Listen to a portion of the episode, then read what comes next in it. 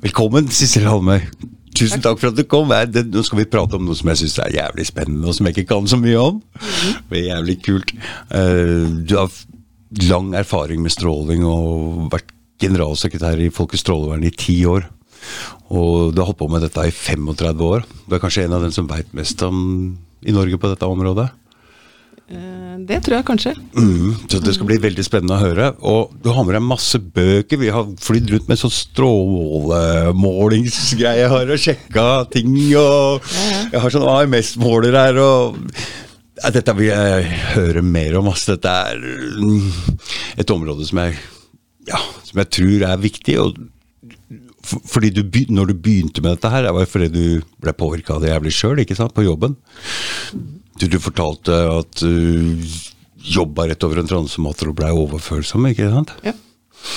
Og det, det, er klart at Jeg hadde nok ikke vært interessert i dette hvis mm. jeg ikke hadde blitt rammet av det selv og måtte finne ut av det. Mm. Og Det er vel sånn den inngangen de fleste har til problemet. Hvorfor skal man bry seg med det hvis man ikke må? Man har jo jammen meg nok andre ting å bry seg med i dag. Mm, mm.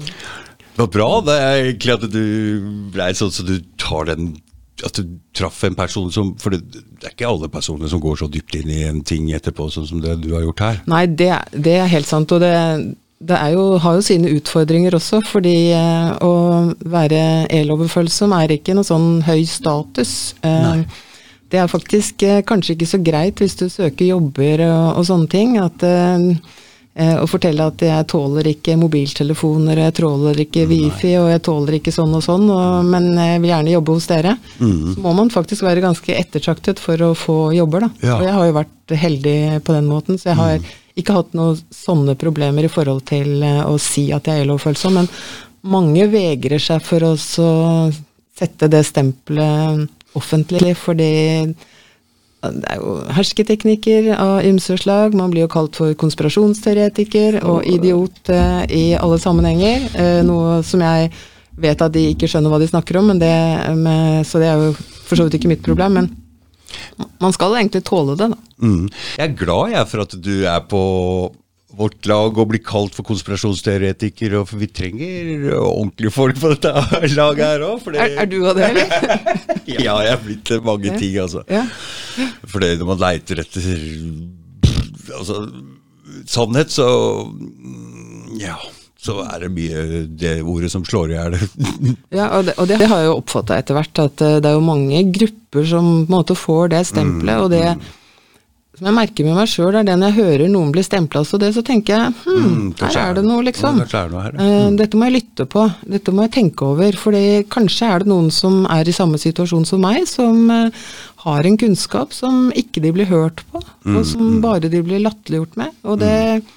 Jeg har jo stor respekt for andre som har andre erfaringer. Mm. Jeg tenker Når du sier at ME-mennesker er sånne som ligger i senga med svart med bind over øya fordi de er mm. late, eller altså overdrivelser, egentlig. da. Mm. Fordi det er jo ikke noen som innbiller seg at de ikke orker å være oppe sammen med mm. andre mennesker. Mm. Uh, jeg syns det er skammelig hvordan vi behandler en del uh, grupper mennesker som har fått problemer som de andre slipper å oppleve. da.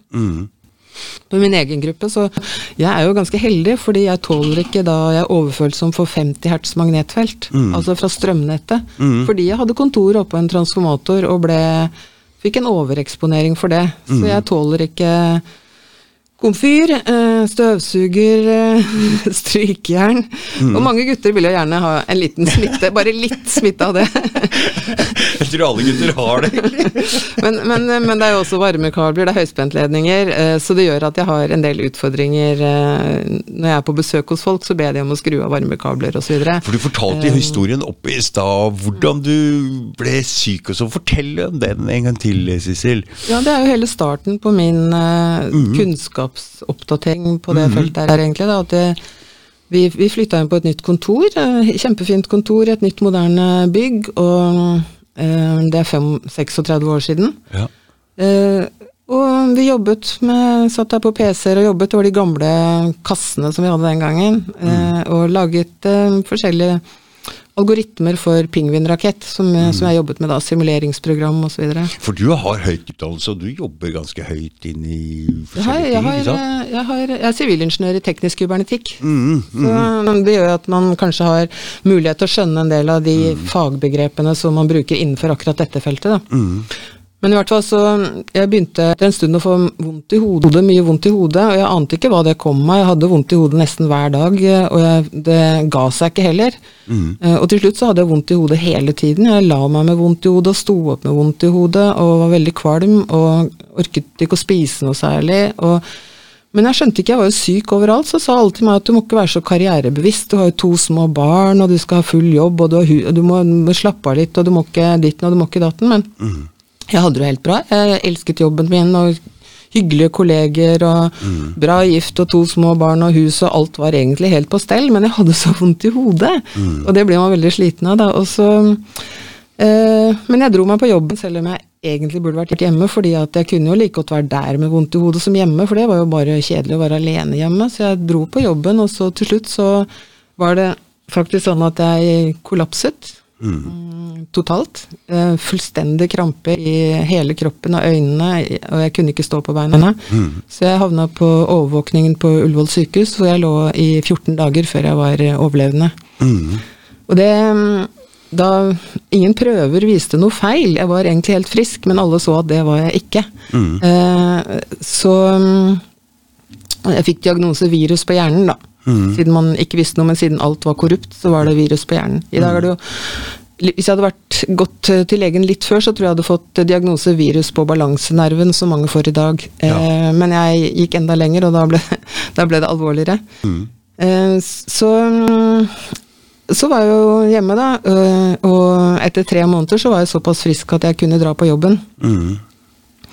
Og jeg, jeg, lengtet jo bare tilbake til det vanlige livet med jobb og alt, alt liksom. Det sosiale og alt rundt det. Så jeg dro meg ned på jobben, og så hadde jeg vært på kontoret i fem-ti minutter. Så kjente jeg at jeg fikk en sånn jernklo i nakken, så kom den der hodepinen. Mm. Og da skjønte jeg at eh, det er noe her. Mm. Det er her jeg har blitt syk. Um, og de kollegene rundt meg de var sånn, de, de, var ikke helt sikre på det, for det var jo noe med hodet mitt, altså mm. virus på hjernen, så de var liksom ikke helt sikre på Nå var det noe gærent med henne, liksom. Så ta det med ro, Sissel, det er ikke noe farlig her, det er litt helt vanlig kontor. Um, ja, men det er her jeg er blitt syk, uh, sier jeg. Det er her. Ja, uh, og så, da begynte jo alle mine ingeniørkolleger å bli litt interessert, egentlig. Mm. Um, så var det en som sa Så var det en sånn boks utenfor vinduet, så, var det, så jeg lurte på hva den boksen var. Uh, jo, det var uh, uh, lufting til transformatoren. transformator, sa jeg. Hvor er den hen? Mm.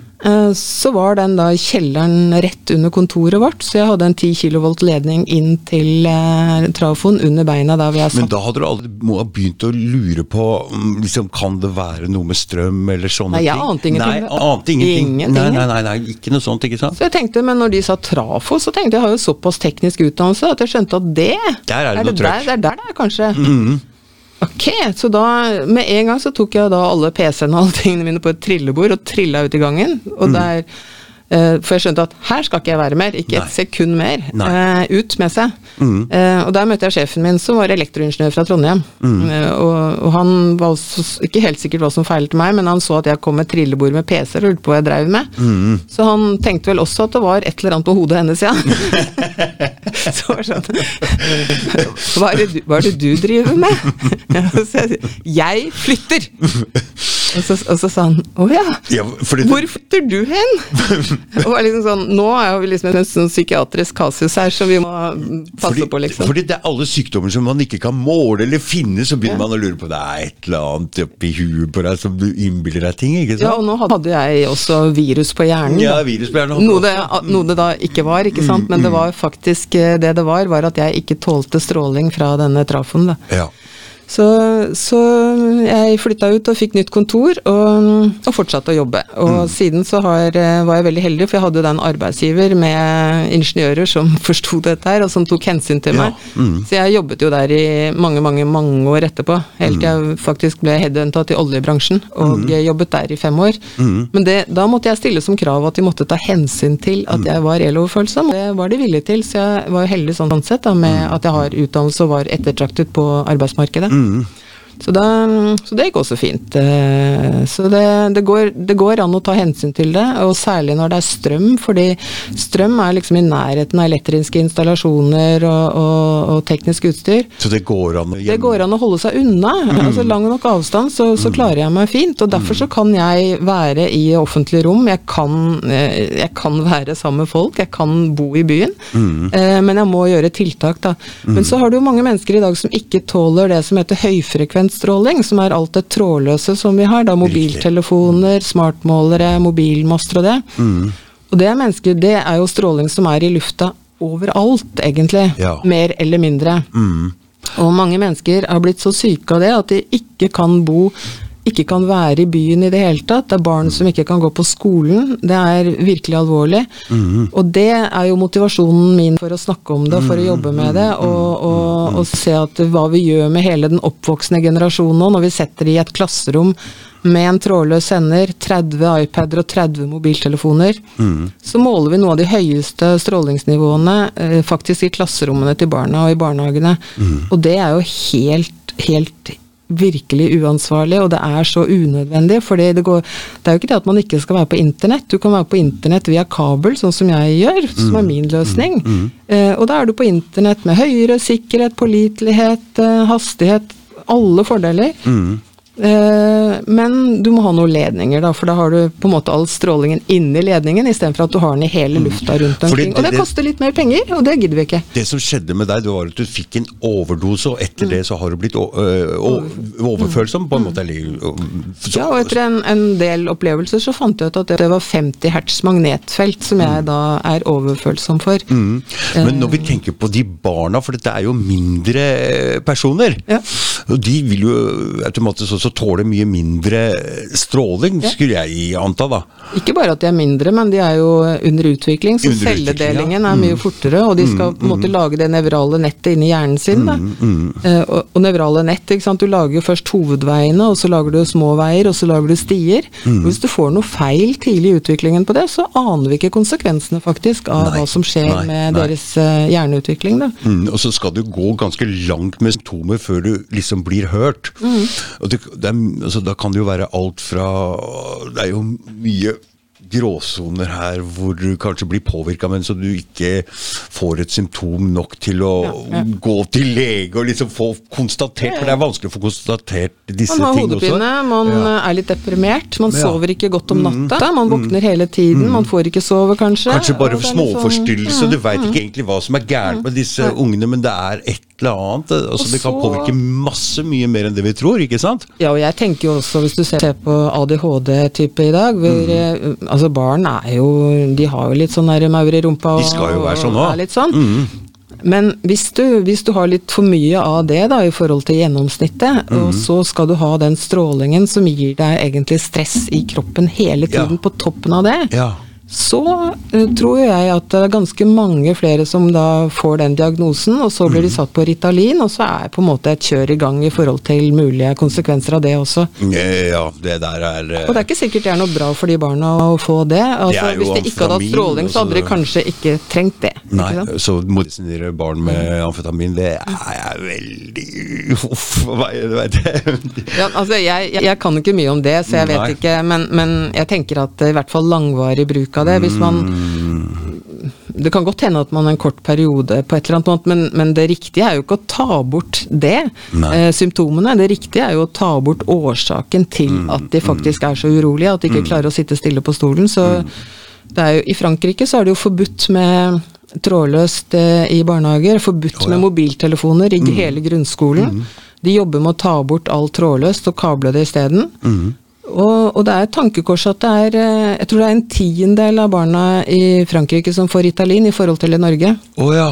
Mm. Så det har en årsak her, altså. Ja, det, det vet, jeg vet Nei, men- det er men det. Men, men- bare, ja. bare registrerer forskjellige ting, observerer ting, og så ser jeg at hm.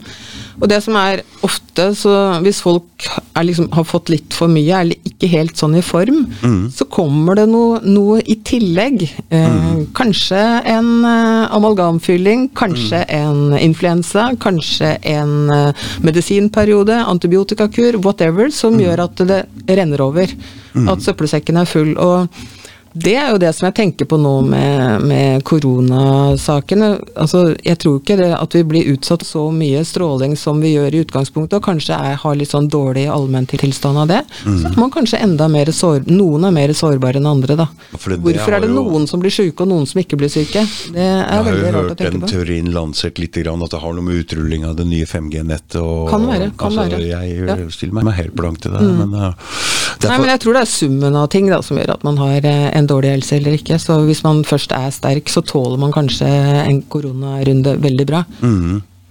Eh, Jeg skal ikke begynne å snakke om korona, for det er, det er liksom helt annet det, Nei, nei, vi, har, vi har vært innom det her i går, altså. Ja, det det, vi kommer alltid innom det, for det er jo en, uh, altså, Ja, er jo er en stor del av hverdagen vår, så det er kanskje ikke så rart at vi er innom Ja, det. nei, altså jeg, jeg som har vært uh, veldig syk, jeg har jo prøvd forskjellig mye, lært meg veldig mye om helse. Mhm. Eh, og jeg lurer på hvorfor helsevesenet ikke anbefaler da å styrke immunsystemet Mm, og redusere stråling og gjøre sånne ting. Altså, det er jo føre var-tiltak man kunne gjort som ikke Mm, skader noen. Da. Uh, det er ikke farlig å spise C-vitaminer og D-vitaminer og eventuelt måle sink og finne ut av det. Mm. Men eh, det, det er liksom, jeg reagerer på at man ikke sier noe om at man kan gjøre noe selv. At man eh, Det eneste som skal hjelpe det er medisiner, liksom. Og så ta bort helsestudioer, Ja. som er trening, som er jo den beste styrking av immunforsvaret som er her. Og barna skal sitte, hjemme, skal sitte Barna- på ja. hjemmeskole med trådløst nett og, og sånn hele tiden, og helst ikke være så mye ute og ikke drive med Og idrett. Ikke med idrett. Nei, det er noe som skurrer. Det skurrer. skurrer veldig, Mm, det skurrer veldig. Jeg ble grav, jeg er enig om det. Når du først havner på den sida her, så ser man ting annerledes, hva? Ja, man gjør det. Man gjør det. Men eh, ja, jeg gjør mine refleksjoner og mine observasjoner på det og på andre ting, men Mm. det som jeg kan noe om, det er elektromagnetisk stråling. Da har jeg 35 års egen praksis. Ja. Erfaring med de opplevelsene som jeg har hatt, som jeg vet helt sikkert. Mm, du vet helt sikkert. Vet Det er helt, ikke noe tvil om dette her, ikke sant? Jeg vet helt, helt, helt sikkert. Det er bra at du Men jeg vet ikke Jeg vet ikke om Altså, jeg vet at jeg reagerer på den måten. Jeg sier ikke at alle andre Nei, gjør det. nei. Men jeg sier at jeg gjør det, og da skjønner jeg veldig mange andre som forklarer meg andre ting som de ikke tåler, av mobiltelefoner og osv. Det, skjønner- det har jeg forutsetninger for å skjønne, fordi jeg har opplevd det selv. Mm. Du, Folkets strålevern, er det en kon organisasjon som folk kontakter for å få hjelp med disse tinga, eller øh, Nei, altså, hva er det det? Jeg var jo først leder i som heter Foreningen for, eloverfølsomme i syv år. Mm. Eh, som, eh, det er en, eh, en organisasjon for de som har blitt eloverfølsomme. Mm. Som har 1100 registrerte medlemmer. Og, som, eh, og det er jo de som skjønner hvorfor de er syke. For det er fryktelig store gråsoner her. Altså Ja, for du kan ikke gå til legen, ikke sant? Nei, legen sier jo at det er bare innbilning. Fordi grunnen til at du eh, fant ut det, var at du ble skikkelig alvorlig sjuk. Ja. Og da må du nesten finne grunn til det. Men Ja, ja. de som bare blir litt sjuk, sånn, de, de, de kommer aldri så langt her. Nei, nei, nei. Nei, nei, det for de går ikke så dypt ned i noe, du, du kan ikke gjøre noe test som finner det heller. Og fordi du ikke kan gjøre noe test, så fins det liksom ikke. Nei. Mm. Eh, Men det er jo sånn eh, måleinstrumenter kan jo bare måle det du skal måle. Mm. Hvis du skal måle en liter, så må du bruke et litermål. Du Uttrykke med en centimeterstokk og prøve å finne noe altså. Nei, nei, nei. Og sånn er det egentlig med, med stråling her, og du må ha det riktige måleinstrumentet for å Mm. måle de riktige tingene. Og vi vet enda ikke hvordan vi skal måle det i kroppen. nei. Eh, og- og det er vel litt det samme med en del andre sånne nye syndromer som har kommet nå også, at man vet ikke helt hvordan man skal måle det. Men det er jo sånn at kroppen har kommet i en eller annen uh, ubalanse. Eh, og så gjelder det å finne ut av hva er det som egentlig er uh, feil der. Men selv om folk er syke, og du ikke kan bevise vitenskapelig at du er syk Altså jeg, jeg hadde jo da diagnose virus på hjernen, og så måtte jeg bevise vitenskapelig at det ikke var det, at det var stråling, liksom. Jeg hadde jo ikke mulighet for å gjøre noe sånt noe. nei. Men uh, han som var uh, bedriftslege på um, Kongsberg våpenfabrikk, som det het den gangen, Mm. han sendte jo, sendte jo um, brev til Statens strålevern og spurte om dette kunne ha noe med den trafoen å gjøre, min, mine plager, og det fikk han til svar at det var helt sikkert at det ikke gjorde. For sånn stråling påvirket ikke kroppen i det hele tatt. Nei. Og det er jo eh, et brev som de egentlig er litt, eh, litt flaue over i dag, fordi det vet alle sammen egentlig at det, det gjør. Men, det, For- men det er jo staten, samme Statens strålevern, eh, er de noe Samarbeider dere noe med dem, eller er det, er det noe Hva driver de med? Eh, Altså, det høres jo litt ut som Folkets strålevern og Statens strålevern burde drive med noe av det samme tinga, da. Ja. Eh, Men når vi etter hvert fant ut at Statens strålevern faktisk ikke jobbet for menneskene, men for eh, eh, industrien Ja. Så Eh. de jobber mot dere? De jobber i hvert fall ikke med oss, eller de er i hvert fall ikke interessert i å lytte på oss. De er bare interessert i å fortelle oss at vi ikke skjønner noe, ikke har greie på noe. Nei, så det blir litt sånn Statens og folkets, det er to Det er egentlig to motpoler, dessverre. motpoler, dessverre. Ja. Mhm. Men altså, vi, Foreningen for elofølsomme er jo de som er elofølsomme, da. Og så jobbet jeg jo Så fant vi ut at vi når ikke fram, fordi folk har jo et litt sånn rart eh, en litt sånn rar oppfatning av hva eloverfølsom Ja, er. ja, det er jo litt sånne rare damer med, med røde prikker som bor inne i skogen-aktig. Mm, Eh, og- men det er det jo slettes ikke. De fleste elofølsomme jobber jo vanlig og bor vanlig osv. Men, Mm. men så fant vi ut at eh, for å nå fram, så skulle vi ta kontakt med miljøvernorganisasjonene, for dette er jo en forurensning i lufta. Mm. Og eh, Bellona hadde ikke tid, og Naturvernforbundet var ikke interessert. Og Kurt Oddekalv ved Miljøvernforbundet sa at dette er jo vår største, en av våre største miljøtrusler, så det var han interessert i. Han er interessert. Så jeg, ja, han er interessert i det. Mm. Så jeg jobba der i fire år. Um, og så, men så fant vi ut at vi skulle lage Full jobb eller jobb ved siden av? Nei, da hadde jeg full jobb i Miljøvernforbundet. Ja. mhm. Men så fant vi ut at vi skulle lage en forening som bare jobbet med det, ikke med laks og, og forurensning av fjorder og alt Mm. mulig annet, men spesialiserte oss på det med elektromagnetisk stråling, og det er da Folkets strålevern. Så det kommer ut fra Kurt Odd den greia, egentlig? Men, Nei, nei, nei, men han har, han har vært opptatt av det bestandig. Men det kommer ikke ut av det, egentlig. Nei, nei, nei. nei ok. Egentlig helst eh, akkurat ikke. Okay. For vi var egentlig ganske uvenner når jeg Å, Oh, ja, ja. men eh, men eh, vi fant ut at vi hadde bedre kontroll sjøl hvis vi kunne eh, ha det folkestrålevern. Så, men han er opptatt av de samme tingene. Mm. Så, og jobber for det samme. Han, men han har jo veldig mange andre bra ting han jobber med også. Mm, mm. Men han er bra mann, han. er. Han er bra mann, han Kurt. Han, han jobber med veldig mye bra miljøsaker, absolutt. Ja. Mm. Og vi tenkte jo, og Han snakker jo høyt og tydelig, eh, og mange folk liker han, og mange liker han ikke. Men, det er, så han er fikk litt sånn kaffekopp i ansiktet her. ja, ja, ja. Men det er jo sånn at de fleste Hva sier han nå? De er interessert i hva han sier. Ja, da. Er det tull, eller er det ikke ja, tull? Nei, han prater pratet høyt og tydelig med bra dialekt. ja, ja, ja. Akkurat. Så det var derfor vi tenkte at det var egentlig greit. Da, da får vi budskapet litt uh, mer ja, ja, ut. ja. Mm. Men, men det er vanskelig å nå fram, fordi folk elsker mobiltelefonen sin. Mm, mm. Og den er kommet høyere opp enn katten nå når det gjelder å ta ut ting hvis huset brenner. Ja. Ungene er foreløpig foran. Mm. Telefonen på to, og så kommer katt og hund og sånn. Eh, så det er jo bra at ungene er foran telefonen ennå, det syns jeg. Men det som jeg, jeg sier det litt sånn nå fordi når jeg snakker da om stråling og at det ikke har godt av det, så er det mange som tenker at jeg skal ta fra de mobiltelefonen, og derfor så har de ikke lyst til å høre om det, og derfor så har de ikke lyst til å tro på det. Nei. Men det er overhodet ikke meldinga mi. Eh, det går an å gjøre alt sammen, men på en måte som ikke skader helsen vår. Altså Vi kan ha teknologien, men ikke eh, men innen visse grenser. Og da er det spørsmål om hva vi er totalt sett tjent med. Mm. Hvis vi har lyst Men- til å ha helse liksom òg, men òg være tilgjengelig når vi er mobile. Da, før så het det jo fasttelefon og mobiltelefon. Eh, telefonen hjemme, den var når du sitter på kontoret. Når du sitter der, så er du jo fast. Du trenger ikke en mobiltelefon når du er fast. Mm. Eh, men det er mye enklere med mobiltelefon. Mye billigere, mye lettere, og i det hele tatt så velger man det. Men hvis prisen er for høy, hvis du, fikk, hvis du visste konsekvensen av det, så kanskje man kunne tatt et annet valg, da. Og jeg eh, bruker jo ikke mobiltelefon. Nei. Jeg har et fullverdig liv for det. Jeg har mobiltelefon. Alltid på flymodus, ikke Bluetooth og Wifi på. Nei. Men det er greit å ha den oppdatert med, med planer og telefonlister og, og alt sammen. Mm. Eh, og så har jeg hjemme så har jeg da en IP-telefon med ledning. Mobilnummeret på en fasttelefon, altså. Mm. Og så har jeg meldingene på den kabla Mac-en som jeg har, da. Eh, og i bilen så har jeg, når jeg skulle kjøpe ny bil nå, så gikk jeg til bilforhandleren og så spurte jeg hva slags telefonløsninger de hadde. Mm. Og eh, Volkswagen Audi de hadde noe som het premiumtelefon. Dvs. Si at det hadde bare et SIM-kort inni dashbordet og utvendig antenne. Det er ok. Det er smart, for det er strålingen utafor, og jeg sitter inni. Mhm. Andre folk de sitter inne i bilen med veldig høy stråling. Mm. Fordi det det stad, meg- ikke sant? Ja, når du kjører og sånne ting, så driver mm. telefon, mobiltelefonen sender sterkere signaler.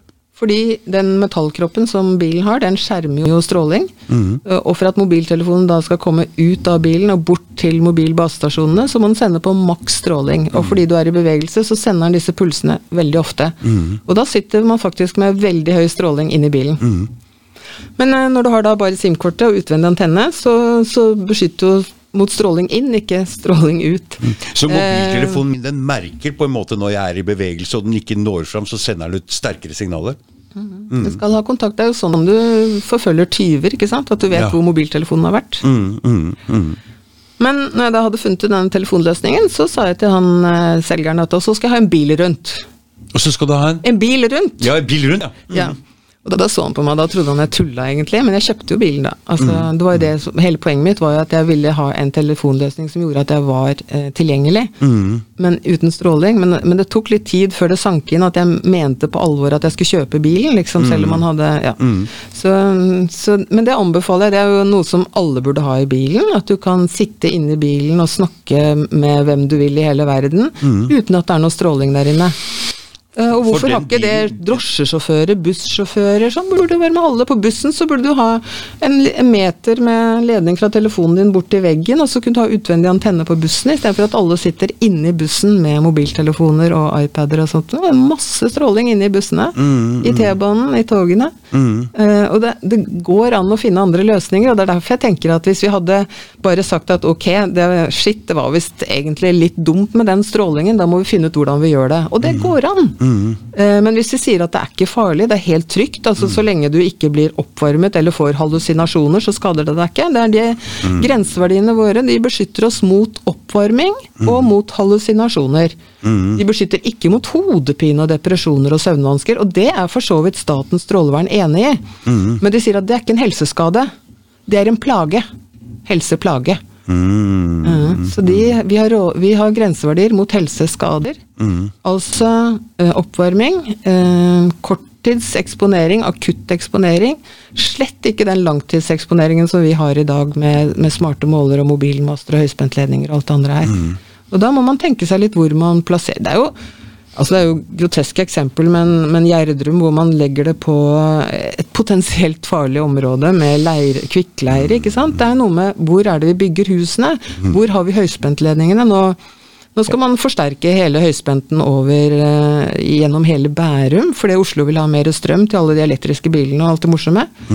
Eh, og det har jo konsekvenser for alle som bor langs den linja. Eh, Og det er ikke lite små kabler de legger ned der. For det der ja, vi, har, vi har jobbet med det og lagt ned kabler. Det er to voldsomme kabler. Det er mye strøm til disse ladestasjonene. altså. ja, ja. Voldsomme greier. Men Det skal si en ting. Det, så den eh, bilen du har kjøpt, den har du, du bruker ikke mobiltelefon, den har mobiltelefon i, i, i bilen på en måte. Så du bare trykker på noen knapper, og så er antenna på utsida. Mm.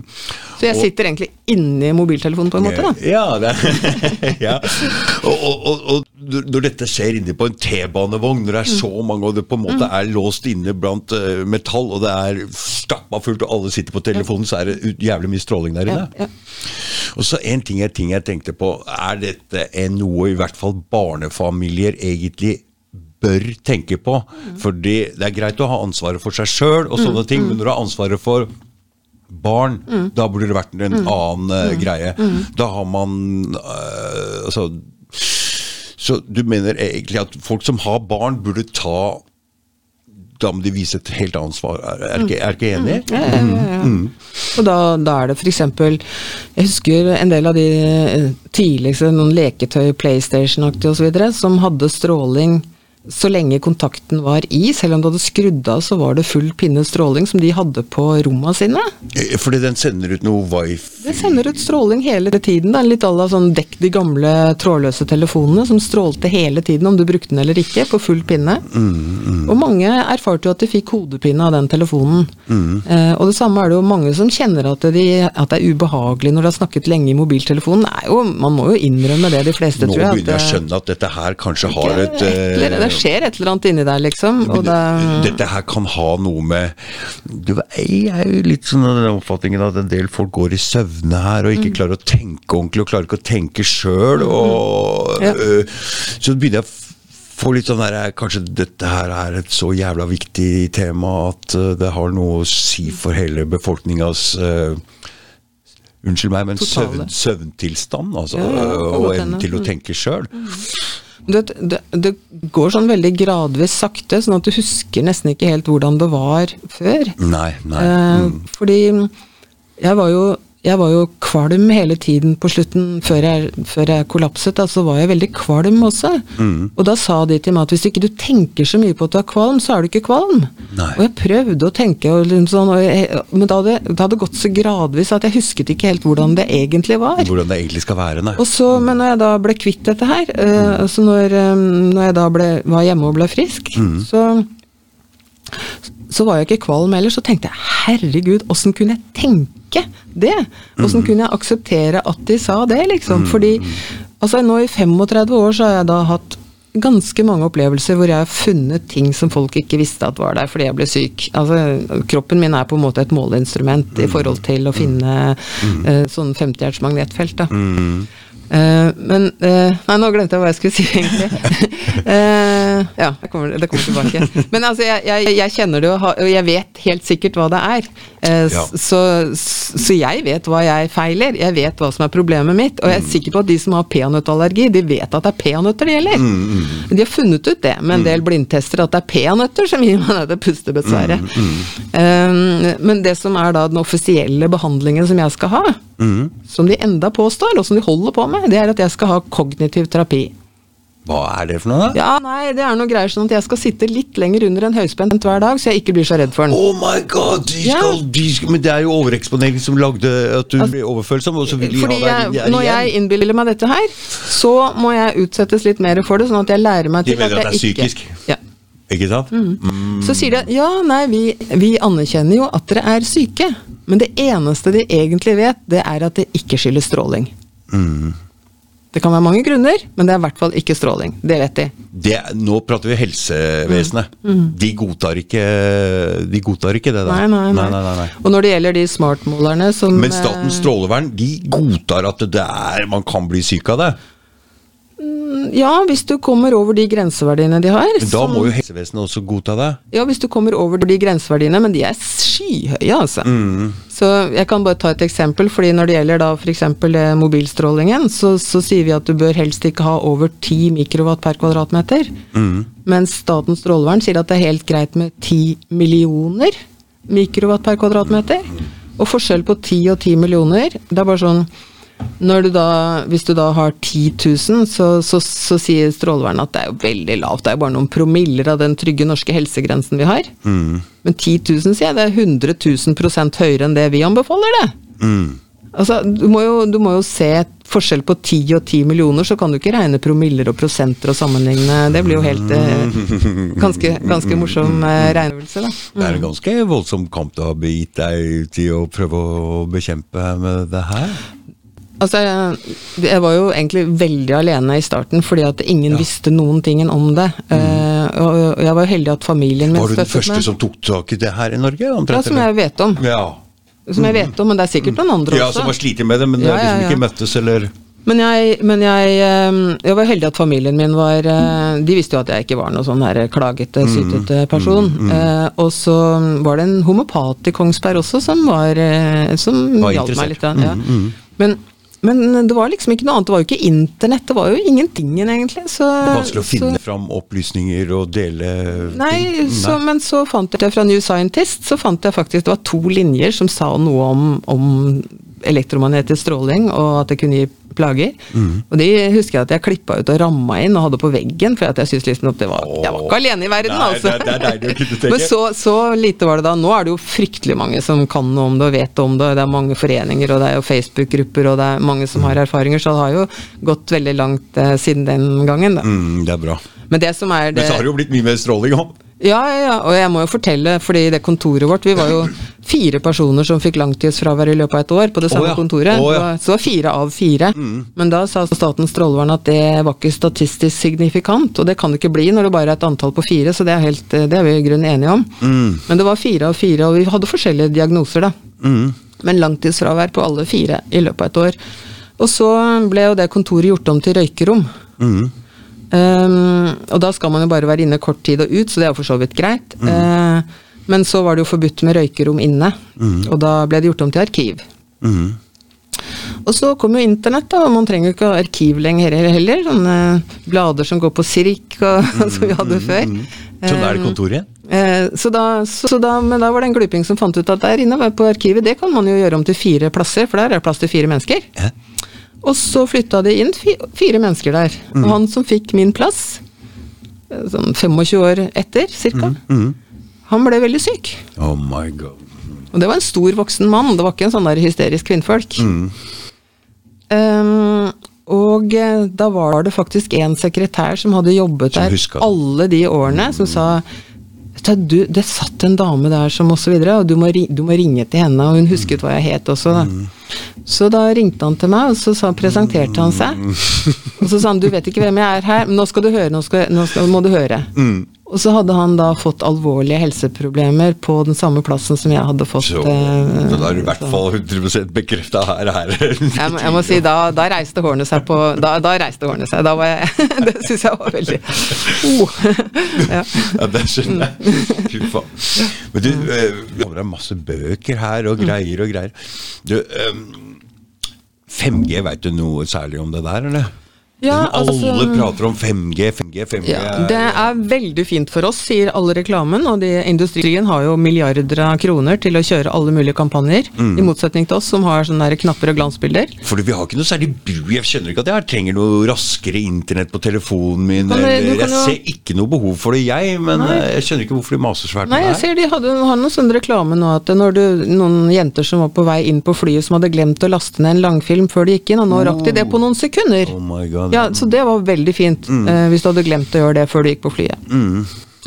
Men grunnen til at vi skal ha det, det er jo militære anvendelser, og så er det selvkjørende biler, ikke sant. Fordi hvis de bilene skal se forskjell på barn og snøfonner, mm. så må de ha ganske eh, rask tilbakekobling hvis du skal kjøre mer enn Det er 5 km i ja. timen. det er Tesla! Han kjører Tesla, jeg elsker Tesla. Ja, nei, det er sikkert, det er sikkert av miljøhensyn, vil jeg tro. Redde kloden, tenker jeg. Ja, ja, ja. Nei. Da. Men, men, eh, men eh, for å ha det som folk ikke tenker på med alle de selvkjørende bilene, de må jo sende ut masse rart eh, for å kunne se tingene rundt seg. Ehm, Og det var raskt og mye informasjon ja, men kjapt. ikke all den, sant? det er jo forskjellige typer stråling som går inn og ut av de bilene. da. Ja. Og så tenker jeg, hvor skal fotgjengerne være? Og syklistene og sånn? Skal de gå rundt i det strålefeltet som alle disse bilene gir fra seg, egentlig. Men du, du hadde aldri sånn tinnfoliehatt? Fordi Ja, det er jo en morsom sak, fordi at eh, en, det var eh, Jeg tror ikke folk vet hvor det begrepet kommer fra. Nei. Men det er blitt en sånn idiotforklaring som vi også er blitt tildelt. Ja, ja, og konspirasjonsteoretikere. Men dette Ja. har jo med stråling Tinfoil hat er blitt et begrep. Ja, mm. Eh, er du det òg, eller? Ja, men jeg tenker på stråling, du hadde vondt i hodet. Ja, skal jeg fortelle Ja, men du skjønner, Ja. det helt eh, Det hjelper. Ja, uh, Fordi hvis du har stråling gjennom høyfrekvent stråling, da, det som er mobilstrålingen, gjennom Mm. veggen, så kan du skjerme med, skjerme med bare aluminiumsfolie. Mm. Det holder. Da stopper du strålingen. Og så var det en demonstrasjon for mange mange år siden i Spania, Mm. hvor de for å måte, synes og lage litt sånn morsomhet rundt det, så hadde de laget seg sånne aluminiumshatter med forskjellige sånne antenner, sånn, Mm. som så litt morsomt ut. da. Mm. Uh, og det for å få oppmerksomhet, ikke sant. Men, Mm. men eh, det ble jo bare brukt til å latterliggjøre disse menneskene som trodde at det skulle hjelpe. Men det er Ja. fordi andre folk ikke skjønner at det gjør det faktisk. Kaste skjerm i hodet når du har det på hodet. Mm. Og mange i dag går med skjermingsklær på seg, med luer som skjermer. Ja. Det var jo noen NTNU-studenter som laget eh, boksershorts, altså underbukser med skjermestoff, sånn at du ikke skulle ødelegge sædcellene når du gikk med For lomma. For det er blitt bevist at telefon, mobiltelefon i lomma, det ødelegger sædceller. Reduserer setekvaliteten med 40 mm. Så når folk sliter med å få barn, så sier jeg prøv å ta ut eh, telefonen av lomma og se om det hjelper. Ja. Mm.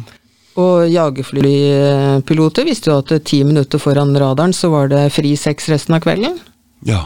Det, det tok livet av det som svømte rundt der, og det, det er jo på en måte Men, men eh, jeg, jeg tenker nå folk som sliter med å få barn, for det er det mange som gjør i dag. Man skal få barn på alle mulige andre måter. inn- Inn på laben og prøverør og sånt noe. Men, men, men når de går med telefonen i lomma hele tiden, så sier jeg ta den ut av lomma, han i ytterjakka i hvert fall, da, eller i sekken, sånn at du har den litt unna deg, og ikke har den på samme stedet hele tiden, sånn at du på en måte irriterer det samme stedet hele tiden.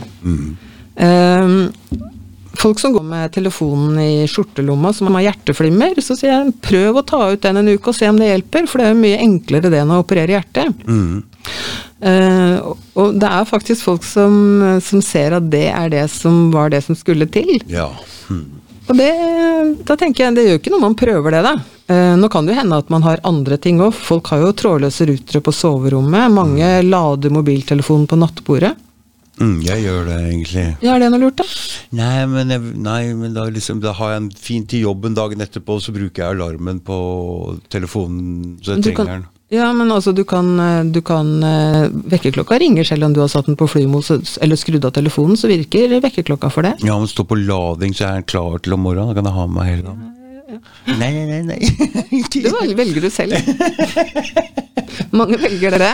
Men mange, mange gidder ikke ha en sånn der eh, strålesak eh, ved siden av senga si. etter at jeg pratet med deg og ba deg om å komme hit, så jeg for første gang skrudd av rutteren her om natta flere ganger. Så det har altså, altså, ting jeg har Det gjør ikke noe for deg, det? Eller du har ikke tatt Nei, for jeg hadde litt problemer med å sove her, så tenkte jeg ok, jeg kan prøve om det hjelper, for jeg har hørt at det, at Men har du mista noe funksjonalitet på det? Altså, Hvis ikke, Nei du, Nei da, hvis ikke du laster ned porno om natta og sånn. Altså, jeg vet ikke hva folk egentlig bruker trådløst til om natta, men eh, hvis ikke så trenger du ikke det. Nei, og hvis man syns det er brysomt å skru av og på, så kan du sette på en timer, da. Mm, Det er veldig enkle løsninger, ikke sant. Så, men jeg anbefaler jo ikke folk å ha trådløst inne, for da har du jo stråling i hele lufta. Mm. Eh, altså jeg har jo da kabel på I vårt hus så har vi kabel eh, og, mange hull som jeg kan sette inn kabel i. Og, sånn og det er egentlig litt riktig, fordi jeg bruker sjelden denne PC-en som står her nede. Den bruker jeg bare når det er podkast, og den Mm. andre er tilkobla ledning, så jeg trenger egentlig ikke at wifien står på her i det hele tatt. Jeg skal bli flinkere, Cecilie.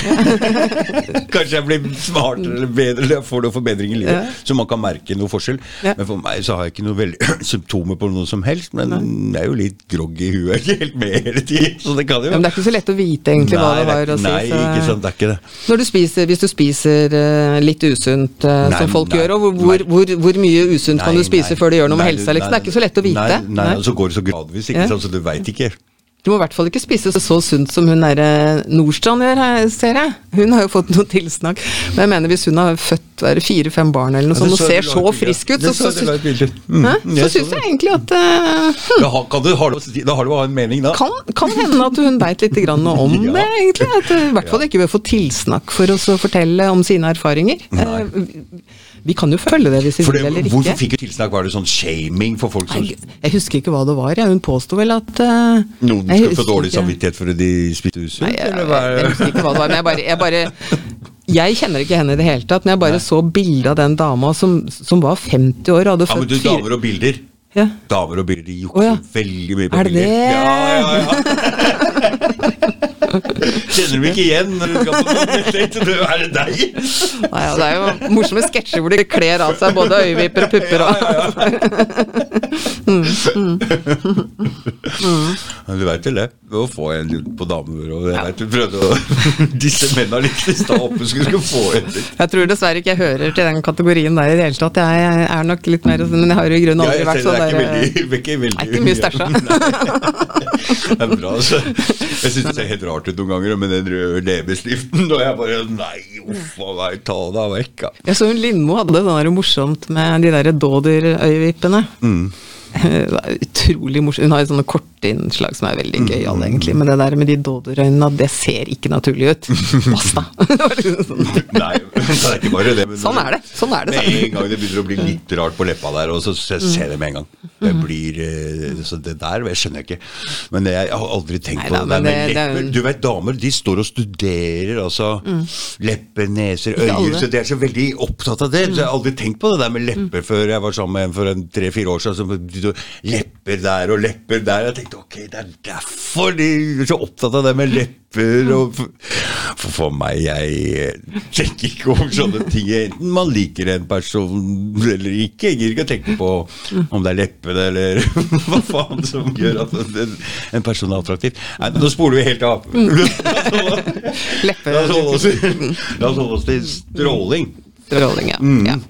Nei da, eh, nå er det jo sånn at eh, Statens strålevern sier at eh, det fins ikke noe forskning, og det og mm, det er ikke farlig. Egentlig det er det de sier. Og eh, Helsedirektoratet de sier at vi må stole på vår fagetat, som er da Strålevernet.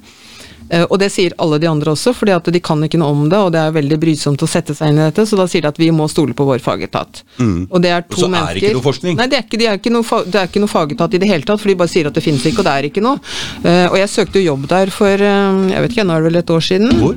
På Strålevernet. Jeg var På- jo på Statens en av to, ja, jeg var Ja. en av to kvalifiserte, men ja. de turte jo ikke å ansette meg da. Nei, der skulle jeg fått komme et bein innafor, vet du. Ja, men, Oi, oi, oi, jo, men jeg, sa, jeg sa Jeg skjønner jo det at man ikke kan endre politikken i løpet av 14 dager, men Mm. det går an å si at vi har kjørt oss inn i en blindgate, egentlig. At Mm. vi sakte, men sikkert nå Vi har tatt inn en som kan noe om det, som skal hjelpe oss å få det litt på sporet, sånn sakte, men sikkert. da.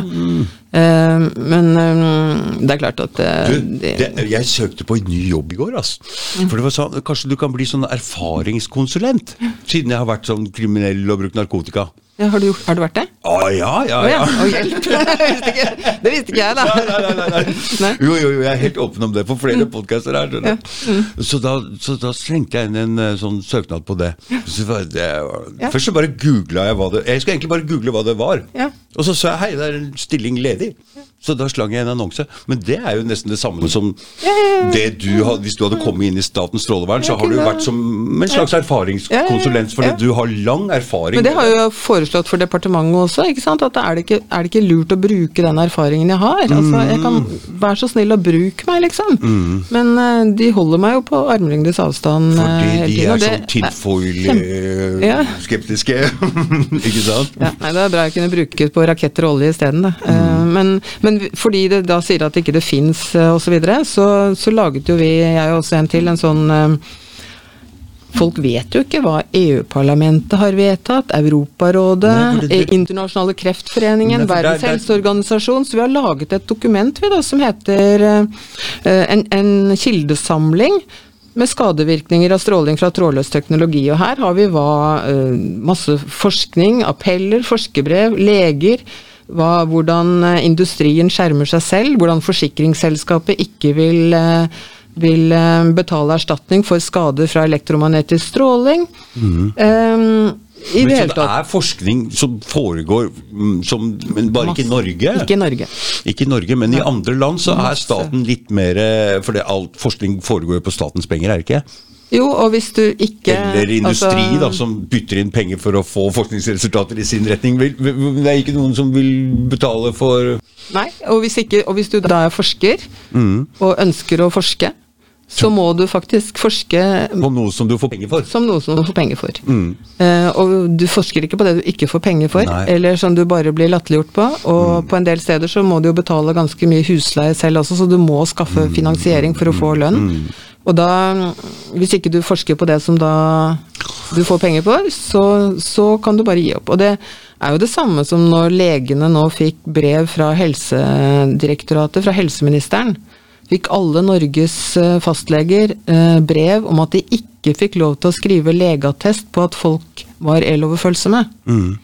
Legene får ikke lov til det, selv om legene vet det. Så er, blir de da jaget, holdt jeg på å si, for å, og risikerer eh, jobben og, og miste karriere også. Du, leger er bindet på hender og føtter. Jeg var oppe på Sevle og hørte en lege hva han fikk eh, sparken for. Han eh, hadde gitt antibiotika til en med borrelia.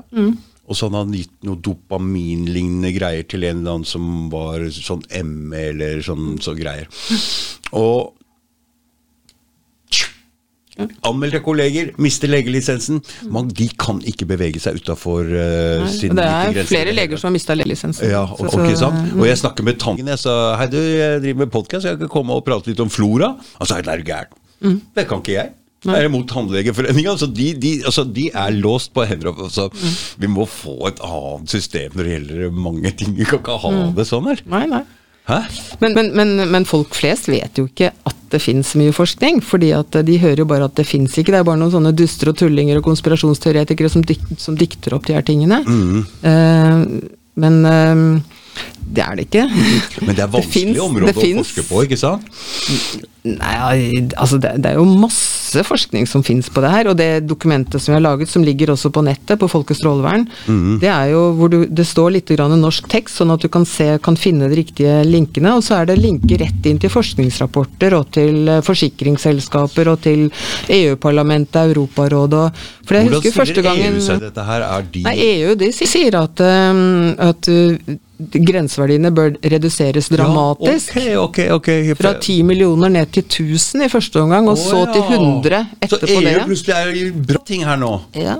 2008 har det en resolusjon eh, som, som sier at man bør søke om å redusere den Mm. Men der vil ikke Norge, vi som skal følge alle regler og EU, men akkurat den der vil vi ikke. Vi velger akkurat Nei, men den, den, den står nå der, og så, og så, og så øh, Den ble jo ytterligere styrket i 2009, fra 2008 til 2009.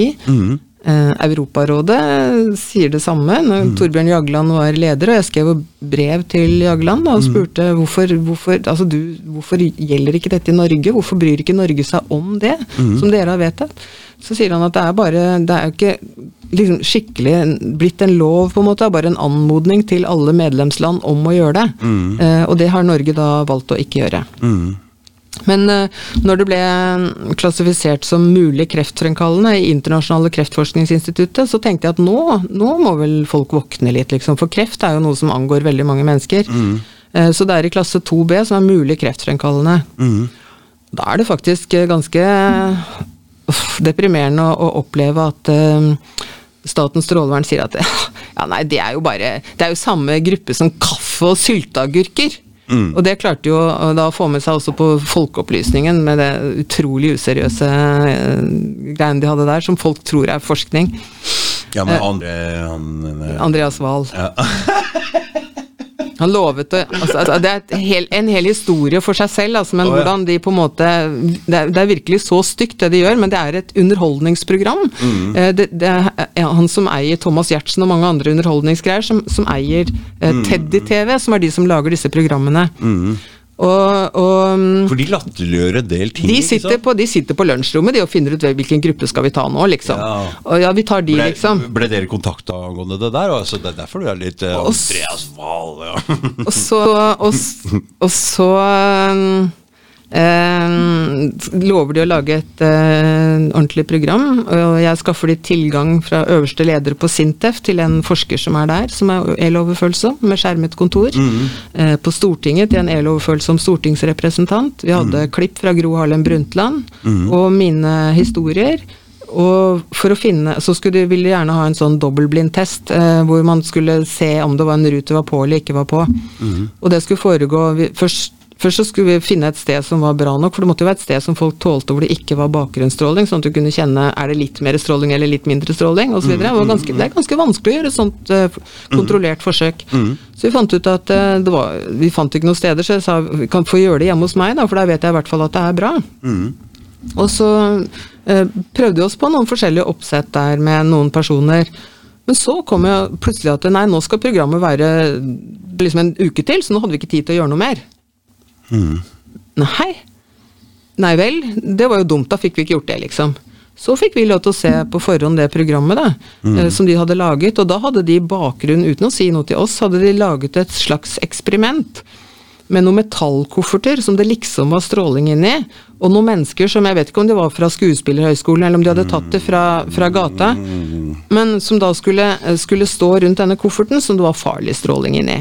Og hvis de kjente at det ble ubehagelig, så skulle de trekke litt bakover. Og hvis det ble veldig ubehagelig, så skulle de løpe ut. Mm. Og så gikk jo disse her eh, folkene fra Folkeopplysningen rundt i sånne slags romdrakter, da, så det skulle se veldig skummelt ut, liksom. Mm. Så sto disse her uskyldige menneskene som ikke visste hva den strålingen inn i kofferten var, da. Og når det har stått sånn i fem-ti minutter, så var det noen som begynte å føle litt ubehag, fordi det hadde stått så lenge, kanskje, eller vet jeg hva. Eller, så de syntes de merket noe, så de gikk litt sånn tilbake, da. Det skulle liksom være blindtest. Ja, Så gikk de litt tilbake, da, og så, og så etter hvert så gikk de ut, da, og da var det sånn tok av de skjerfen og alt sånn desperat, liksom, skal føle det bedre nå, og ve- veldig sånn oppgavet stemning, da. Og så, ja, så samlet de de etterpå, selvfølgelig så hadde det jo ikke vært noe stråling i den kofferten. Men alle som på en måte vet litt om det, vet at du kan ikke ha stråling inni en metallkoffert, for den skjermer jo i tilfelle strålingen. Mm. så at dette var da et eksperiment uten eloverfølsomme, fordi deltakerne var ikke eloverfølsomme. Uten stråling. Uten stråling. Og og det beviste at, at, eh, Ikke aksestråling. At det var Innbilning. innbilning. Det var beviset. Det Og så lot folk seg lure. Mm, og Folk det, seg lure. det som er dumt med det programmet, er at det på noen måter er litt grann seriøst noen ganger. Og noen ganger er det bare helt Det er trikset. Først, det er trikset, ja. De gir liksom sånn inntrykk av, og de, har, de hadde Ja. med Gro Harlem Brundtland og masse forskning og, og sånn, og alle var på det. Til og med han Hesselberg, han, han eh, psykologen som var med der, han, han mente jo at han følte litt ubehag selv, han. Men han ble også latterliggjort av Andreas Wahl, da. Fordi han trodde nok det siden han hadde lest i avisen, liksom. Men, eh, men eh, når de da så plutselig snur de rundt, og så latterliggjør de, og da alle folk sitter og tenker 'Å gud, nå holdt jeg på å bli lurt', ikke sant? Men nå skjønner jeg at jeg ble lurt, da. Og det er et sånn psykologisk eh, dreis som de gjør. Og så, og så når vi da sa at herligens land, dette er jo ikke i henhold til avtalen vi hadde, det eksperimentet der er jo bare helt nytteløst, og det er jo verken ditten eller datten, ikke sant. Pluss at dere sier at vi hadde en generalprøve som ikke vi klarte, som jo også er blank løgn. Så, så fikk Da fikk vi et lite avbrudd her. Jeg tråkka faen meg på den derre Strømbryteren igjen. Det er andre gangen jeg gjør det. Men eh, da fikk vi en liten eh, pause, og da fikk vi plutselig noen ting som du ville ha fram her. Som, jeg husker ikke hva vi prata om sist. Det var Andreas Wahl, og så husker jeg ikke noe mer Nei, jeg tror vi var ferdig med den tragedien der. Men det var i hvert fall juks og fanteri, og det når jeg Ja. fant ut at det egentlig var et uh, underholdningsprogram, Mm, eh, og at det er det som er poenget, og de får mange seere, og NRK er for, uh, fornøyd med det. Mm. Og så sitter de og humrer og ler av den ene gruppen etter den andre som de har latterliggjort, med Mm, så mye useriøse og ekle Men, men, Men altså, men, det er når- noen ting de tar seriøst der også, så det blir litt så forvirrende. Eller er det ikke? jeg, ikke, jeg vet ikke, jeg har ikke sett alle programmene, for Nei, gidder er, jeg ikke jeg egentlig. trodde Men, jeg har sett på det, så liksom ok, ja, det er er kanskje du har sånn. latt deg lure et par ganger, da. Ja, det er mulig. Men du vet når, eh, ja.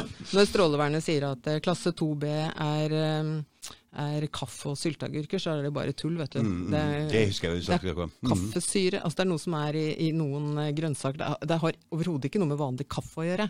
Nei. Sylteagurker det er en sånn spesiell sånn eh, asiatisk rett et eller annet. Jeg tror i hvert fall veldig få nordmenn forspiser seg på sylteagurker. Mm, og da Men prater vi om forskjell folkets stråle i kategori kreftgreie, var det det? Ja, ja. Mm, Men, men, men det som er i den samme klassen med kreft, det Mm. er jo bly, eh, kvikksølv, eh, diesel, eh, eksos. Altså det jo mye mer eh, Jeg tror folk skjønner mye mer at det er faktisk mulig kreftfremkallende i samme klasse da, som både det som er rundt strømnettet og det som er i den trådløse strålingen. Så det er mulig kreftfremkallende. Og nå mener de sentrale menneskene i den komiteen at det bør opp i enten klasse sannsynlig kreftfremkallende eller sikkert kreftfremkallende pga. studier som, eh, som er kommet nå i de senere. mm, mm.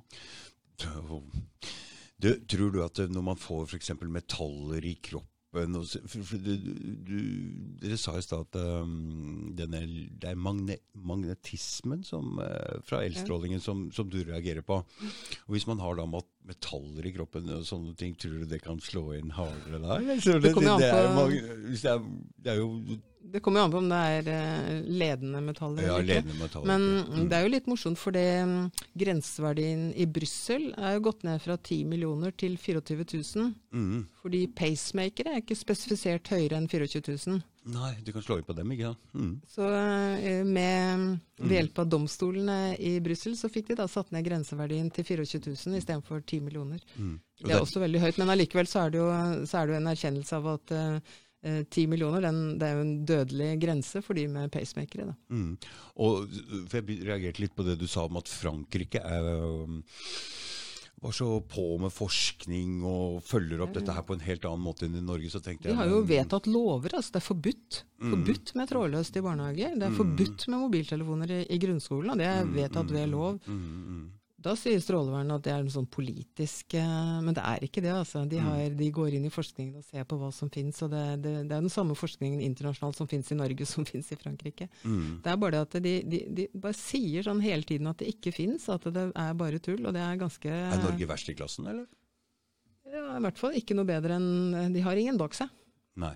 De har ingen bak seg, nei. Nei. Mm, faen. Best når det ikke gjelder, og verst når det Norge er typisk eh, godt. Ja, typisk. Det er typisk, ja. Så det sloganet til Gro Harlem, og det er best å være norsk og være best, det er, kan du bare Ja, ja, ja. ja. Nei, men det, man, det som er frustrerende når man vet alle de her tingene, vet at myndighetene lyver, for jeg vet at myndighetene lyver på det området her, det vet jeg helt sikkert. Eh, og jeg vet hvordan de vil hysje meg ned, og hvordan de ikke vil høre på hva jeg vil si, og ikke vil ta hensyn til, og ikke bryr seg om. Så er det litt skadelig i forhold til den tilliten som jeg har til myndighetene på andre områder også. Fordi at det tar ikke meg så veldig mange sekundene å tenke at det kan være tilsvarende på andre områder som noen tjener mye penger på, Mm. enn det det er i forhold til denne bransjen, teknologibransjen. Da. Mm. Fortell litt om den annonsen din og Humatetisk Forbund og han Tjomli, da. For vi hadde jo en liten pause her nå, og da kom det fram en del morsomme. Han Tjomli, det er en figur som vi som Ja, jeg altså, han- stadig møter på. Han har jo skrevet noen saftige, saftige epistler om meg, f.eks. Ja, for han tror ikke på noe. Det er jobben hans. Jeg vet ikke hvem som betaler han, men eh, Human-Etisk Forbund de tror ikke på Gud, det er greia. Men nå skal de ikke tro på noen ting, da. Noen. Nei, det som var interessant, er Vi hadde jo først en annonseserie som var på den JCDK, alle de reklametavlene som er Ja.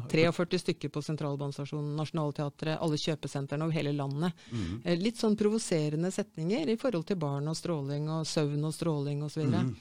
og, og mm, ehm, vi skulle betale, vi fikk det for 100 000 kroner på alle de, fordi vi hadde annonsen klar, og de hadde sånn, det skulle komme liksom hvert et eller annet sekund da. Mm. Var, kjempe, vi var kjempespente. Ehm, og jeg skynda meg til eh, Trekanten i Aske for å ta bilde med en gang, for å, for å, for å liksom vise at vi hadde det. Mm. For dagen etter så var jo dette tatt ned, da, fordi da var det liksom Våre konsesjonsmyndigheter hadde sagt at et eller annet. Eh, og jeg spurte hvem våre konsesjonsmyndigheter var, men det var det ingen som egentlig visste. Nei. Men eh, noen hadde sagt til JCDK at de annonsene får dere vær så god ta ned. Oh. Jeg tror ikke det var NSB. Jeg tror ikke det var Trekanten kjøpesenter. Jeg tror kanskje det var noen andre.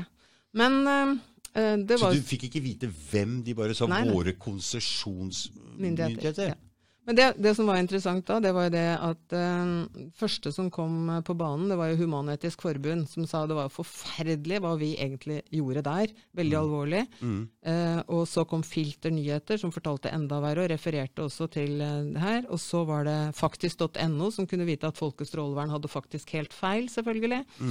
Og det kommer jo da i alle landets aviser, fordi at de bruker jo å referere fra faktisk.no, at Folkets strålevern har faktisk helt feil. Men, Så vi, vi fikk jo en mye mer eh, dekning enn vi kunne drømme om, egentlig. fordi at mm. det, det, Jeg visste jo ikke hvor disse reklametavlene var på trekanten. Det er jo så masse reklamer at du ser jo ikke hvor de her er. Men, men eh, vi fikk jo masse oppmerksomhet, da. Men, men at det var helt feil. Og så, så tenker jeg at folk må jo vurdere sjøl, da. Men vi trengte jo ikke da betale, så de pengene hadde vi til gode igjen. Og det var penger som vi hadde fått fra en anonym giver, som gjerne ville bistå oh, ja. med annonsen oh, ja. for at vi skulle nå ut med ting. Så vi var jo kjempeglade for å ha fått en sånn gave. Mm.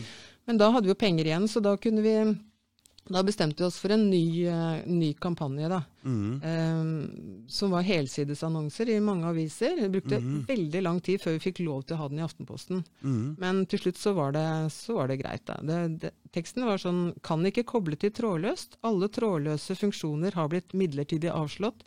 Benytt kabel. Ok, så trykk på knappen. Wifi, Bluetooth, smarte strømmålere, 2G, 3G, 4G og snart 5G mobiltelefoni har i løpet av få år blitt en del av vår moderne hverdag. Trådløsteknologien som benyttes, er basert på pulserte mikrobølger. Telekombransjen og myndighetene forsikrer oss om at alt er trygt. Vi mener at vitenskapen forteller oss noe helt annet. Mer informasjon og vitenskapelig dokumentasjon, samt tips om hvordan du kan redusere din eksponering for skadelig stråling, finner du på folketstrålevern.no. Mm. Det er jo for så vidt eh, Det er mye forskjellige annonser i avisen som lover både det ene og det andre, så dette her er kanskje ikke en klasse verre enn noe annet, men du verden som det avstedkom eh, reaksjoner hos det samme Human-Etisk Forbund, og Aftenposten måtte forsvare annonsen sin. Det som jeg syns er rart, er at uh, dette her skader jo ingen. Nei. Hvis du gjør dette her. Det skader ingen nei, å ta litt Jo, industrien. Ja, de gjør kanskje det. Ja. Mm, mm. De, de, de, er, de, tjener mye penger på denne industrien her. Så, ja. Men poenget vårt er ikke altså Det vi sier her, er at uh, bruk kabel istedenfor trådløs. Det er jo det som er budskapet vårt. At der hvor du er fast, hvor du sitter fast, så kan du like godt bruke kabel. For det er både mer sikkerhet, pålitelighet Altså alt, alle fordeler. Bedre hastighet. Mer robust. Eh, så når du sitter fast på jobben, på skolen, på hjemmekontoret ditt, så kan du bruke kabel, sånn som vi gjorde før. Det funker mm. jo helt fint, det. Mm. Eh, så det er et alternativ. Det er ikke det at vi skal ta bort internett, men vi skal bare ha strålingen inni ledningen istedenfor å ha den eh, i lufta. Mm, og nå som folk får fiber, så er det noen som er litt engstelige for det, for man vet jo veldig lite om det. Men fiber er helt fint.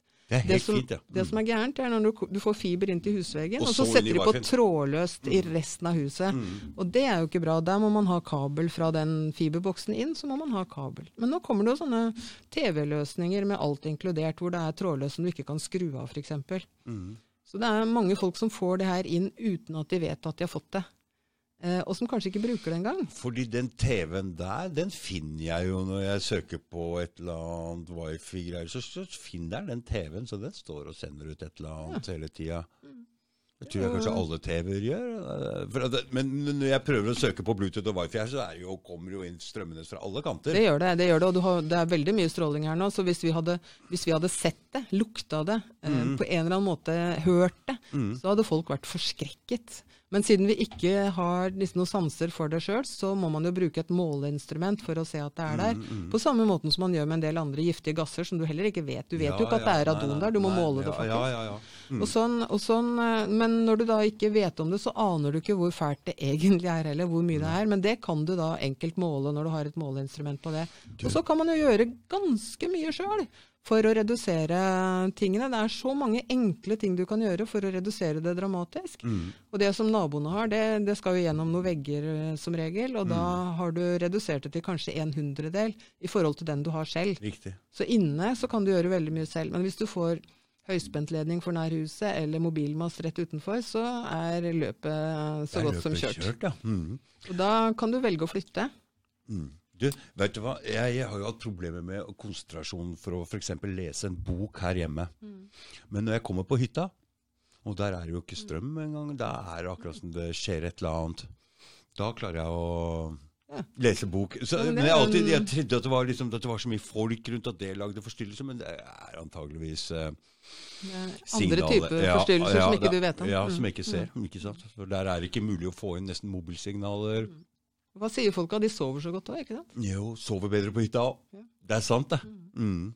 Men folk som da sier at uh, jeg tror det er stråling som gjør at jeg er syk, så sier jeg det første du bør gjøre, egentlig, det er å reise bort uh, et annet sted. Hvis du har en hytte eller noe sånt, reise bort mm. en uke og se om det bedrer seg. Mm. Fordi det kan jo da være et tegn på at det kan være det. For det er jo ikke mm, mm. alltid sikkert at det er det det er. Folk nei, blir jo syke av andre ting også. Men så er det jo å finne ut, uh, finne ut og da det går an å bestille en som kommer og måler, for det har jo en hel koffert full av måleinstrumenter for forskjellige ting. Det er masse målegreier, ikke sant? Så den som du dro fram her Det er en, sånn veldig, det er en veldig grei sånn indikator som du kan uh, se om det er uh, Altså jeg bruker den til bare sånn kartlegging, egentlig. Og så mm. hvis det er et problem, så kan man jo finne ut hvor problemet kommer fra, hva det er, og hva man kan gjøre med det. Mm. Og du kan gjøre noe med veldig, veldig, veldig mye. Så jeg, mm. jeg som da har de utfordringene jeg har, jeg har gjort alle tiltak hjemme. Um, vi flytta til Asker for ti år siden, så hadde jeg jo målt ganske store områder for å finne ut hvor det var sannsynlig at jeg kunne fortsette å være uten at det kom en mobilmast også. Ja. Eh, så det er ikke lett, altså. Nei, fordi nei. folk blir tvunget til å flytte én og flere ganger. Eh, mm. Og noen bor jo da ute i skogen aktig. Så, men det som er ille nå, som jeg, som jeg tror mange ikke er klar over, for det Human-Etisk Forbund som eh, har eh, navnefester borgerlige konfirmasjoner og brylluper og begravelser osv. Mange mennesker som jobber idealistisk rundt i hele landet. Men det sentrale styret i Human-Etisk Forbund, Har blitt hijacka. det tror jeg faktisk er kanskje det ordet man skal bruke, men de sitter der, og det er det verste skepsisgjengen som sitter der, og som da kaster dritt på f.eks. Folkets strålevern og kritiserer oss for at vi har en sånn annonse. At vi eh, eh, Eller kaste kaffe på Oddekalv? Er det samme fyr, eller? Nei, det er ikke samme fyr. Nei, ø, nei, det ikke Men det er samme gruppen, egentlig. Det er samme gruppa, ja. Det er samme gruppa, ja. Og det, Humanetisk Forbund, trenger de å bry seg med hva Folkets strålevern driver med? Er det noe de, de har som oppgave? Det syns jeg virker veldig spesielt. Det skulle vært egentlig. interessant å se hvem dem får, egentlig får penger fra. Så hun eh, Nina Witosek som, eh, som reagerte på dette her, da, hun, eh, hun eh, skrev det at em, den 23. oktober begikk Aftenposten tilsynelatende harakiri. Avisen publiserte en reklame fra Folkets strålevern. Den proklamerte teksten 'Telekombransjen og myndighetene forteller oss at alt er trygt', og angående bruk av eh, pulserte trådløs teknologi som benytter pulserte mikrobølger. Vi mener vitenskapen forteller oss noe annet. Foruts, forutsigbart eh, nok eksploderte det, opplyste kommentariatet. så, først var da Human-Etisk Forbund, og så kom den ene etter den andre. Og de, det er utrolig mye følelser hvor de skal si at vi faktisk ikke har greie på de tingene. Og at vi, men bare, bare tenk på hva er det jeg har å tjene på dette her? Ingenting. Mm. Ingenting, sant? Ingenting. Nei, nei, nei. Eh, og hvorfor er det liksom ja, ja, faktisk så var jeg på forsiden av VG for en del år siden og jobbet i Miljøvernforbundet. Ja. Eh, det er masse kuriositeter her, men da var det en som fant ut at eh, det veldig skitne forretningsideen som jeg hadde Da jobbet jeg halv tid i Miljøvernforbundet, halv tid som måleekspert. Eh, og da fant jeg ut at jeg først, først så lurte jeg Kurt Odde Kalv. Ok. Jeg lurte han til å tro at dette var farlig. Så fikk jeg han til å markedsføre det. Og så håvet jeg inn penger på målinger. Ja. Og hadde man gått inn og sett på hvor mye jeg faktisk hadde håvet inn det året, så var det 25 000 kroner. Det var like mye som de måleinstrumentene kostet. og, og før det så hadde jeg gjort alle de målingene gratis. Hvem er det som sier sånne ting som det her? Sto i VG på forsiden. VG, da. Ja, ja. Det er klart at noen har eh, Så du har vært i avisen? Ja, mange ganger. mange ganger. Veldig mange ganger. Men jeg, jeg, jeg, altså det er jo egentlig veldig trist, syns jeg, fordi at eh, denne kunnskapen som jeg har fått tildelt, det var ikke noe jeg valgte selv. Nei. Og det er Men du ikke har noe som er utvalgt, kjempe...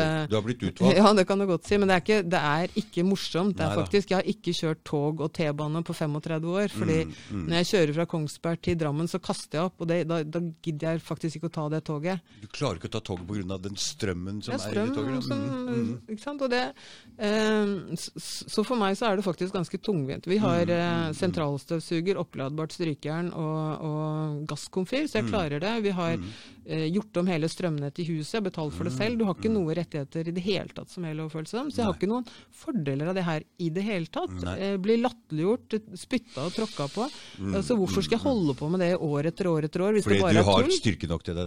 Fordi Ja. du har styrke nok til det. Det er fordi at jeg syns det er viktig at den informasjonen kommer ut. Og men, Mm. men til å begynne med så ville jeg jo fortelle det til alle, og da ble man jo veldig sliten. Nå, Mm. nå driter jeg i det. jeg holdt- Nå for de som vil høre på, de kan gjøre det. De andre kan bare la det være, egentlig. Mm, Fordi det er jo sånn at eh, jeg har jo innsett at mange må bli syke. Og de riktige menneskene må bli syke Mm. De før, må bli syke. før uh, kunnskapen blir akseptert. Da. Ja, det er jeg helt enig i. For det, vil- folk vil ikke høre på alle folk. Det er, de, de, er- de hører bare på noen. Ja, så det, men dessverre så er det sånn, da. Men, uh, men uh, nå er det jo mm, flere fl Nå er vi jo mange som jobber med det her, da. Flere Det er jo foreninger, og det er jo mange grupper på Facebook, og det er flere og flere som blir klar over problemet, kan du si. Så, så Einar Flydal har jo oversatt en del bøker til norsk, fordi at det er veldig mange som ikke leser nødvendigvis engelske bøker. Så mm, først Den usynlige regnbuen, som forteller litt grann om historien til eh, når de forskjellige strålings... eh, generatoren, holdt jeg på å si, strålingskildene ble, ble Introdusert, introdusert, og hvilke sykdommer som da fikk en topp. Riktig. Mm. En type influensaer, eh, influensa som spredde seg Ja. Mm. mm, fortere enn hestene kunne løpe på den tiden, ikke sant? og som dukket opp flere steder i verden samtidig. Mm. Gjerne i forbindelse med at man hadde satt opp nye kommunikasjonssystemer. Mm.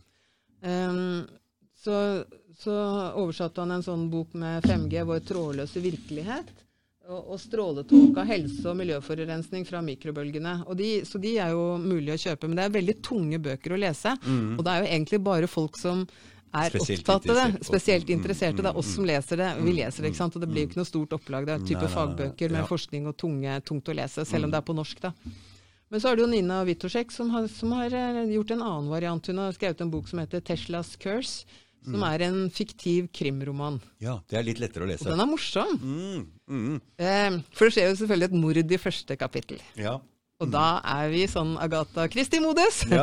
Hvem? Hvem er det? Hvem er det? Hvem er det? Ja. og, det og det går jo fram og tilbake her, og på slutten, siste halvdelen av boka, så klarer du ikke å legge den fra deg, egentlig. For at du er så nysgjerrig på hvem det egentlig var, og hva du tror. Å nei, det var ikke den, da. Nei, det er han. Det er det, det, ikke sant? Ok, Teslas curse. Hæ? Teslas Curse, ja. Mm, Eh, den er på engelsk, da.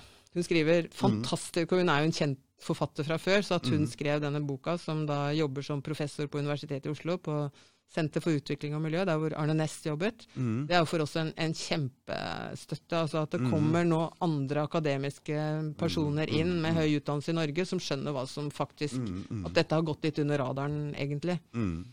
Men eh, den er på engelsk nå og har lansert på Amazon og, og selges internasjonalt. Og så når eh, overskuddet kommer fra den, så blir den oversatt til eh, andre språk. Så det er flere Ja. proffe oversettere som nå gjerne vil oversette den til norsk. men det, det, det, er- jeg har jo lest bøker på engelsk, og det går forbausende bra. Så Ja. det, er, det er faktisk ikke så Nei, det er noen ord du ikke skjønner, ikke sant? Nei, Kan men du bare- slå de opp, eller så skjønner du det på meningen. Ja, du skjønner det på meningen. Det Ja, ja. bare Nei, du går ikke glipp av å finne ut morderen med at det er noen ord du ikke skjønner. Nei, nei, nei. Du, Men- du lærer men, nye ord. Jeg vet jeg leste en tilsvarende bok som het 'Vindbaroner', som Hogne Hongseth har skrevet, om vindturbiner. Mm. Eh, og det er noe av samme, men den er på norsk, da. Eh, En kjempeflott bok også, hvor eh, selvfølgelig så er det mord der òg. Mm. Eh, og det er hele historien til de vindturbinene, og hvem som betaler, og hvem som kjøper, og, og hvem som har hvilke roller. Mm. Og, og, og det er utrolig spennende å finne ut hvem det er som egentlig var mordet, hva som skjedde der egentlig. Og så lærte jeg hele historien om vindturbiner som jeg ikke kunne noen ting Mm, Så de lurer inn i en spenningsroman, og så får du med fakta på kjøpet. Hele- det er smarteste måten å gjøre det på. Da, Ja, det er gøyal måte, istedenfor Ja, ja, å gnage seg gjennom de her som bare noen få egentlig orker å gjøre. Ja, ja, ja. Men så er det det igjen, da. Det er, hvor mange er det som leser bøker lenger? Er eh, Det er noen som leser Man har gått litt tilbake faktisk til å Det er jo sånn Ja, er på, jo på sånne Kindle brett. også, da. Du kan lese Du du har kan lesebrett da ned på også, Mm, ikke sant? mm, Så, mm. mm, ja. Nei da, men det, det Jeg anbefaler absolutt den eh, boka. Den er, den, den er morsom, og så får du med masse kunnskap på kjøpet. Si hva den het en gang, den norske. Og den der. Den her heter Teslas Curse. Mm, Teslas Eh, Girls. Og Tesla, det, det, Det er vet man jo hvem er. Det, er Niklas Tesla. Mm. Og han døde jo faktisk med alle de symptomene som eloverfølsomme snakker om, med alle de sykdommene. Fullt utslett over hele kroppen, hodepine, depresjon osv. Han døde faktisk med den sykdommen som eloverfølsomme faktisk Fordi han dreiv jo bare med strøm og alt mulig sånne ting, og Mm. stråling og Så boka, boka er eh, Men det her er jo mm, Det er jo mange som har dødd av det før, holdt jeg på å si. Eh, radioaktivitet, f.eks. mm. Man, vis, man visste ikke om det, ikke sant? Mm. og så har man utsatt seg for det, og så døde man av det uten at man eh, visste noe eh, om, om det. Mm. Mm. Nei, vi må Men, men he, liksom det er ikke, vi er jo ikke mot teknologi. Jeg har jobbet med teknisk utvikling hele mitt liv. Mm, altså Jeg mm. syns det er kjempegøy med teknologi. Jeg har Mm, jobbet mm. med raketter og olje. Styring av raketter som henger på jagerflyene. Jeg mener, eh, søkeren, eh, den infrarøde søkeren for, som skulle se mål og hvor du skal treffe osv. Altså, det er, Mm, mm, det, jeg, synes er, jeg er veldig opptatt av teknologi. Det er ikke det at jeg er mot teknologi, men vi må lage teknologi som vi ikke blir syke av. mm. Eh, og det går jo fint an, men da må du på en måte legge alle kortene på bordet og si at vi har en utfordring her, så vi må gjøre det på en annen måte. Mm. Sånn, sånn, det er egentlig bare så enkelt. Eh, og hvis folk skjønner at jeg skal ikke ta fra de mobiltelefonen, jeg skal ikke ta fra de internett, jeg skal, jeg skal egentlig bare fortelle bedre måter å gjøre det på, Mm. og hvordan du bør gjøre det i hjemmet ditt, sånn at ikke du skader deg selv og ungene dine. Mm, jeg kan ikke skjønne hva som gjorde at det human-etiske Forbund og faktisk.no driver og presser så fælt på det her. Fordi ålreit, du vet ikke om det vil skade så mange industrier om man tar litt hensyn her og der, og liksom skrur av wifi-en sin om natta, at du gjør de mest eh, preventive, lette tiltakene. Jeg skjønner ikke hva det, det kan jo bare hjelpe folk, jeg skjønner ikke Ja, men i, i, den, i denne her kildesamlingen som jeg snakket om, så Mm. kan du jo lese hvordan mobilselskapene har sikret seg i forhold til å ikke bli liksom, ansvarlig for skader som de påfører oh, ja, brukerne. Oh, ja, de har gjort det, Du kan lese hvordan eh, forsikringsselskapene eh, ikke vil eh, forsikre mot skader fra sånn type stråling. Så du Hva er det fra et slags eh, det er da skrift der? Skadevirkninger av stråling fra trådløs teknologi og Hvordan annen man får tak i den der en eh, den uh, ligger på nettet, på sidene til Folkets strålevern. Mm. Uh, heter Kildesamling. Eh, og her kan du gå inn og så kan du lese deg en innholdsfortegnelse, så du kan finne ut hva du er mest interessert i. Om det er EU-parlamentet EU-parlamentet, eller appeller, eller hva legene mener, eller hva forskningen viser, eller interessekonflikter, eller whatever.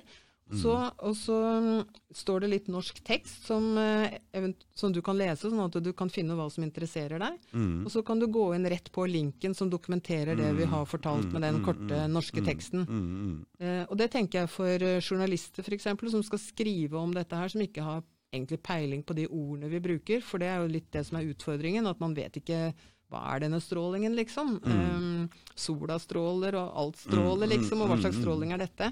Um, så er det, her er det tekst man kan få lov til å klippe og lime, og linke til det eh, beviset på det som vi da sier som faktisk fins. Og det nytter ikke å si at det faktisk ikke fins, når det faktisk står her, og det faktisk ligger på nettet, og det er faktisk i PubMed, som er de vitenskapelige databasene, så Hva er faktisk det Det er det faktisk. Men du, hvor mange er det som er medlem på disse gruppene rundt omkring som er opptatt av eh, disse tinga? Ja, det er faktisk noe som er et litt eh, godt spørsmål, fordi eh, i Foreningen for eloverfølsomme så er det 1100 medlemmer som da har skjønt at det er det som er årsaken, og som også har meldt seg inn i foreningen. For veldig mange uh, syns jo bare det er greit å være gratispassasjerer. Um, det som, vi har um, 800 tror jeg, betalende medlemmer. Og så er det mange Facebook-grupper som er litt for ditten og litt for datten, og litt sånn og litt sånn. Og vi har jo mange tusen som, les, som følger oss på Facebook med Folkets strålevern. Uh, men vi har dessverre bare 800 betalende medlemmer, og det er litt dumt, fordi hvis vi hadde vært 5000, så hadde vi fått offentlig støtte. Ja. Nå er vi avhengig av eh, gaver, almisser, eh, knapper og glansbilder. Eh, og vi er da en organisasjon som står der med disse glansbildene og knappesamlingene våre mot eh, telebransjen, altså Telenor. hvor mye koster det å bli medlem der? Det koster eh, 300 for hovedmedlem og 100 for eh, studenter, uføre eh, og familiemedlemmer. Det er ikke noe du blir akkurat eh, Mm. Robbet Nei, nei, nei. Mm. av. Eh, og vi prøver å bistå, vi prøver å orientere, vi prøver bare å gi informasjon som folk har nytte av. Men det er litt viktig at folk melder seg inn, at de tar det ansvaret. Mm. Så å melde inn seg sjøl og, og familiemedlemmene, som Mm. da koster kanskje da en 500-600 kroner, så bidrar man litt til alle de sakene som vi jobber med. Da. Mm, mm. Og For det er 5000 er en sånn grense. Mm. Eh, før så var det 500, og vi hadde jo da revisor som eh, godkjente og, og jobbet, og vi betalte masse penger for det. Og så akkurat da så ble det utvidet fra 500 til 5000. Mye støtte får dere da, hvis dere er 5000? Det er helt umulig å finne ut av, for de har sånne der intrikate regler med noen lokalgrupper og noe et eller annet. sånn. Vi prøvde å finne ut av det. Det skulle ikke vært så veldig vanskelig, jeg skjønner ikke det? Ja, det er masse regler, for, og du må sette kryss på riktige steder og sånt for å finne ut hvor du Mm. kommer an på om det er lokalforeninger, om det er noe sånn, om det er noe sånn, om det er eh, Ja, i det hele tatt. Mm, så det er ikke noe sånn standard 5000 her er den Nei, nei, nei, nei, nei. Og jeg vil jo tro at det er ganske store forskjeller. Jeg husker jo, Det husker jeg faktisk Kurt snakket om hvor mye støtte Naturvernforbundet fikk i forhold til Miljøvernforbundet og sånt. Jeg vet ikke, jeg vet, det vet jeg ikke så mye om egentlig, men jeg tror, eh, tror det er litt grann historie og litt hva politikerne liker og ikke liker også. Hvilke organisasjoner som får støtte. Det er klart. Mm. Mm. vi er ikke vet, vi, vi kan ikke love noen penger eller noen ting. Vi, altså, ikke heder og ære, ingenting. Ingenting, vi ingenting. lovet å ikke noe dele ut. Vi, vi bare, bare ren informasjon. Vi tjener ingenting på det sjøl. Bare spott og spe? Ja, men ikke sant. Altså, hvis folk skal påstå at man tjener penger på da, å måle, altså Mm. gjøre en tjeneste, det er jo da et argument man bruker, at vi gjør dette her for å tjene penger på målinger. Mm. jeg tjente mer penger i industrien. Eh, så hvis det var det om å gjøre, så hadde jeg heller fortsatt den jobben som jeg hadde der. Men for meg så har dette blitt mitt livsprosjekt, egentlig. Og nå, så nå er jeg jo snart eh, pensjonist. nå, Så nå bare kjører jeg inn. eh, så vi jeg har jo vært generalsekretær i Folkets strålevern i ti år, men eh, så fant jeg ut at eh, noen tror jo at jeg er en sånn her gammel kjerring som ikke liker teknologi, ikke forstår meg på det, liksom. Men det er jo slettes ikke med, eh, Jeg kan jo ikke gå rundt og fortelle at jeg ikke er det hele tiden. Så vi, derfor så har jeg eh, sagt opp den jobben, og er nå seniorrådgiver. En eh, helt uh, egen tittel jeg har tatt, som er helt, helt ubetalt. Helt ubetalt, uh, og hvor jeg bare jobber og, og hjelper folk. Uh, men så er det en eh, som er en generasjon yngre som har overtatt. Eh, fordi eh, hun har da en helt annen Altså hun kan nå yngre mennesker på en annen måte enn det denne gamle tanten kunne. da.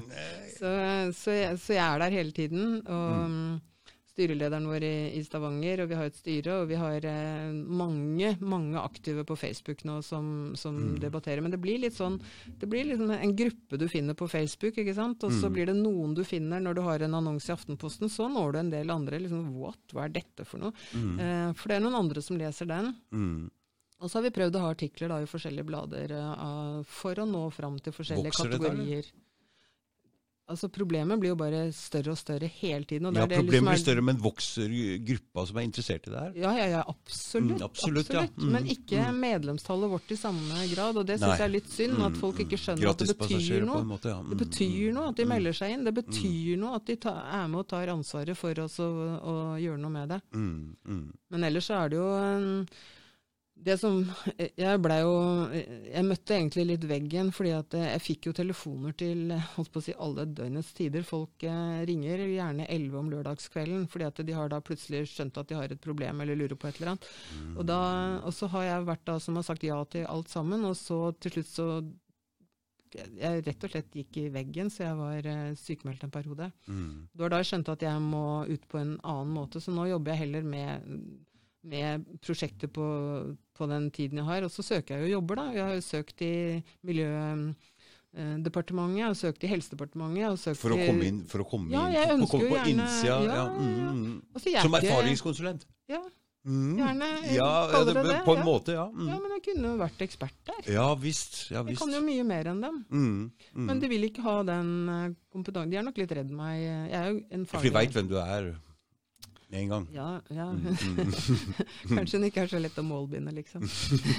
Men jeg skjønner jo det. Hvis jeg hadde begynt i Strålevernet, så hadde jo ikke jeg forandra Strålevernet på 14 dager. Jeg hadde ikke hatt ambisjoner om det, men kanskje man kunne begynt en Mm, Var du til intervju?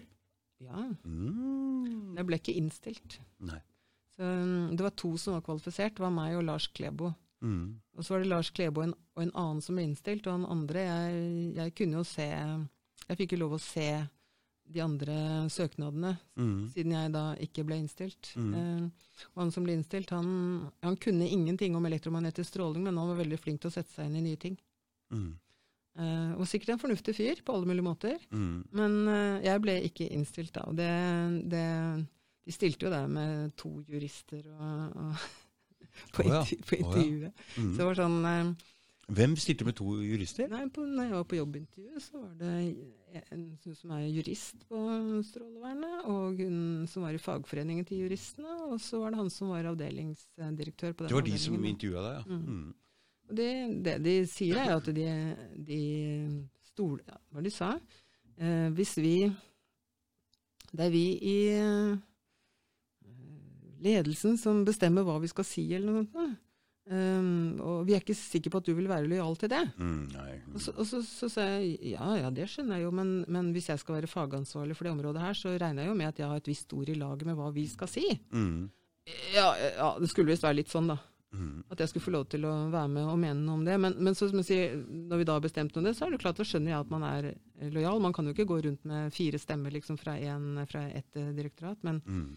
men eh, jeg ble jo ikke innstilt, da, så jeg fikk jo ikke jobben. Og det var vel kanskje greit, for jeg tror ikke jeg hadde hatt det så veldig koselig der, egentlig. Jeg vet ikke. Mm. Det er sikkert mange hyggelige mennesker der også. Mm. Men, Mm. men du vet, mange av de aner ingenting om det her. De bare hører at det ikke finnes noe forskning, og de kan kanskje ikke noe mer om denne type stråling enn For det de, det de kan mye om, er jo type radioaktiv stråling. Altså det som heter ioniserende stråling. Dette er ikke-ioniserende stråling, det er i klassen der. Så det er noe helt annet. Ja. Men de, de, har jo sånne brikker som du kan se hvor mye radioaktivitet du har vært utsatt for når du jobber f.eks. på reaktoren på Kjeller eller Halden, eh, mm. eller hva som er med eh, medisinske instrumenter, eh, som, som, er en helt annen klasse mm. enn det vi eh, Altså computertomografi og MR-maskiner og mm. annet sånt utstyr som du bruker på sykehuset. Men det, det er jo noe hvis du skal ta MR f.eks., så er jo det en skikkelig dose med stråling du får. Men, det er det allikevel, men du ja. vet Jeg men, prøvde men, å si dette på jobben, at jeg var redd for å gå inn i en MR-maskin. De sa mm. den er ikke noe stråling i, men jeg syntes zukk, sa det hele meg. Det var jo ja. Men noen, og noen merker det ikke. Men, men, hvis det er sånn at du er avhengig av det for å vite om du skal operere hodet ditt eller ikke, så gjør du det jo, ikke sant? Mm, mm. Og da veier du jo nytte mot uh, ulempe. Men du var inni en sånn med hodet ditt, og da ble du skikkelig Nei, på den tiden så var det computertomografi, så jeg fikk oh, ja. en mm. halvliter med sånn radioaktiv væske inn i, inn i armen, og så, mm. og så tok de bilde da søndag kveld, innkalte de da sykebil, for jeg kunne ikke gå. Sykebil og tre leger som var på vakt for å kjøre i gang computertomografi søndag kveld, for da trodde de at jeg holdt på å stryke med av hjernesvulst eller hjerneblødning. da. Mm, men du ble verre av det? Ja, ja selvfølgelig. Er du gæren. Men, det, men da visste jo ikke jeg det heller. Nei, nei, nei. Så, men, så har man kombinasjoner av ting, så det er jo ikke bare stråling. Men vi, vi, vi tilhører en generasjon hvor alle hadde 17 hull i tennene og fylte på med kvikksølv mm, på slutten av, mm, av ja. barneskolen. Jeg vet ikke om skoletannlegen fikk betalt per hull, eller hva det var, men vi hadde veldig mange hull alle sammen. da. Mm, store hull?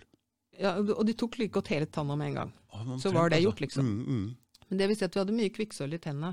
Mm. Og, og, det er en forening som heter Tenner og helse, og de er også uh, i stor veldig stor prosent, nesten alle faktisk, eloverfølsomme.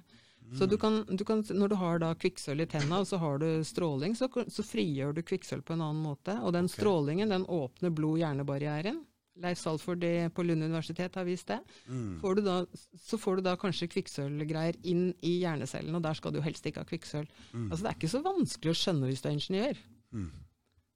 Men øh, noen har visst litt tyngre for å skjønne at det her er faktisk kanskje ikke så lurt å ha kvikksølv der det ikke skal være. Det som øh, professor Martin Paul fra, fra, Washington State University, som han da hadde presentasjon i Oslo, øh, det er jo at du får slark i jonekanalene i cellemembranen i sånn type stråling. I alle cellene i hele kroppen. Og da kan du få f.eks. for, for mye kalsium inni cellene, som gjør at de ikke fungerer sånn som de skal. Jeg tenker jo mitt når folk faller om og er på en måte stein daue, unge idrettsutøvere som har pressa kroppen sin litt ekstra osv., så, videre, så så lurer jeg på jeg lurer på i hvilken grad det er en medvirkende årsak til, mm, mm. til denne helse... En annen ting er de ionekanalene. Det står jo ikke noe sånn dørvakt der og finner ut hva som skal inn i cellene og ikke skal inn i cellene. Hvis det er slark og det kommer inn gærne ting, da, så kommer det gjerne inn andre ting som vi har fått i oss da via maten eller lufta eller annen type forurensning. Mm. Så um, den strålingen tror jeg er mer en katalysator for, uh, som gir skadevirkninger av alle de andre typer kjemikalier og gifter og sånn som vi utsetter oss for. Da. Mm kan være et stort, svært, mørkt område, dette her, ja. Eh, som kan påvirke mange folk med masse rare sykdommer. Og så er det jo et nytt fag, nye fag nå som man lærer som heter Daubtister Science. Altså, de sier at ja, ja, det fins jo en del tusen studier som viser eh, helseskader, men bunken vår som ikke viser noe, er høyere. Mm, mm. Ja, Så fint, da. Men den som ikke viser noe, den er jo ikke så interessant, egentlig. Det er jo den som viser noe som vi burde gå videre og se mm, på, mm, mm, og finne ut av hva mm, er det egentlig.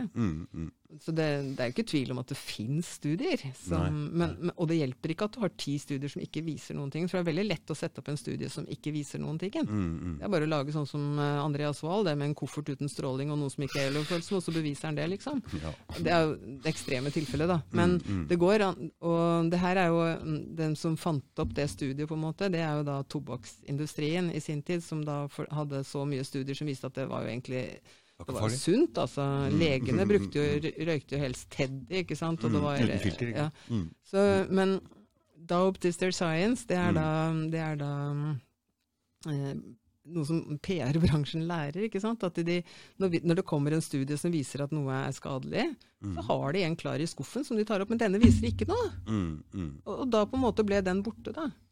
De nuller ut hverandre? Ja, ikke sant. For den visste ikke noe. Og da er det det man fokuserer på i media. Og Når jeg ser nå hva, hvordan vi har altså, slitt for å få inn en betalt annonse Mm. Om det her i avisene, så lurer jeg på altså, Det står jo så mye om alt mulig søppel og rask i annonser som, eh, Som ikke er sant. som ikke er sant. Men det er jo ingen som reagerer på det. Liksom, hva, som er, hva som er greia her? Liksom? Er det noe som ikke tåler dagens lys? Er det noe som vi helst ikke skal vite? Du ser jo det på Facebook òg, med de der reklamene som er med han der Olav Thon og han der Ja. hotellkongen og alt. Du ser at det er svindel og bedrag. Det er svindelannonser! De går gjennom. De går gjennom. Men når du skriver et eller annet som kanskje ikke passer, så er det faktisk .no kommer det med en gang og sier hei, det er 5 av det du sier er feil, så hele greia det er feil. Det er Nei, faktisk.no de er etter oss, da, og de kan ganske mye om dette, mener de. Mm. Eller hun, jeg husker ikke hun heter, Silje til fornavn. Hun, eh, hun kan mye om alt mulig, egentlig. Men å, å diskutere med henne var helt komplett umulig. Har du prata med henne, ja? Ja, prøvde, vi prøvde jo da, for de skulle lage den første artikkelen etter, eh, etter uh, din annonsekampanjen vi hadde. Mm. Og da sto det en overskrift på websiden vår, ikke på, ikke på de plakatene, men Mm. på websiden vår så var det en overskrift som sa at uh, hjernekreft øker også blant unge. Mm. Hjernekreft øker også blant unge mennesker. Mm. Ehm, så det var ikke på annonsen, ikke sant? men det var på en annonse på vår webside. Mm. Og så, sa- og så sa jeg det stemmer jo ikke. Og hun fikk, eh, det fikk hun bekreftet fra webansvarlig på Kreftregisteret. Og så sa jeg men det, hør her, eh, her er statistikk fra Sverige, fra England, fra USA. Nei, det var Norge som gjaldt. Ja, det står det ikke i den overskriften, sa jeg. Det står, det står hjernekreft eh, øker også blant unge. Mm. Men det var ikke mulig å nå fram med et fornuftig argument i det hele tatt. ikke sant? Det var feil. Folkets strålevern har faktisk feil. Altså, det, var ikke, det var ikke snakk om den overskriften heller da. Da var det liksom folkets strålevern har faktisk feil. Men eh, vi valgte å se positivt på det, fordi det ble jo da spredd i alle de store avisene. VG, Dagbladet, alle de som eier faktisk.no. De tok jo denne artikkelen inn, så vi fikk jo mye mer spredning enn vi kunne ønske oss. ja. Mange som er klar over det der nå, at Mm. faktisk.no tar feil hele tida. Og Mm. ja. Så det er uh, Men mange folk vet ikke det heller, vet du. Så, Nei, men det er en del folk som vokser om at det er en Ja. del fake news ute og går. Eller- For det er flere områder som Ja, blir utsatt for ja, det. ja, ja. Det vil si at det er kanskje en viss tid man kan nå igjennom med det trikset der, Mm. da, så må de finne på noe annet. Mm, mm. Men, eh, ja. Nei, det er eh, vi, vi har jo laget noen brosjyrer da, som man får, eller som man kan kjøpe også. Mm, Eh, Det du ikke vet har du vondt av. Eh, Som er en liten sånn laget Det du ikke vet, har du vondt av, ja.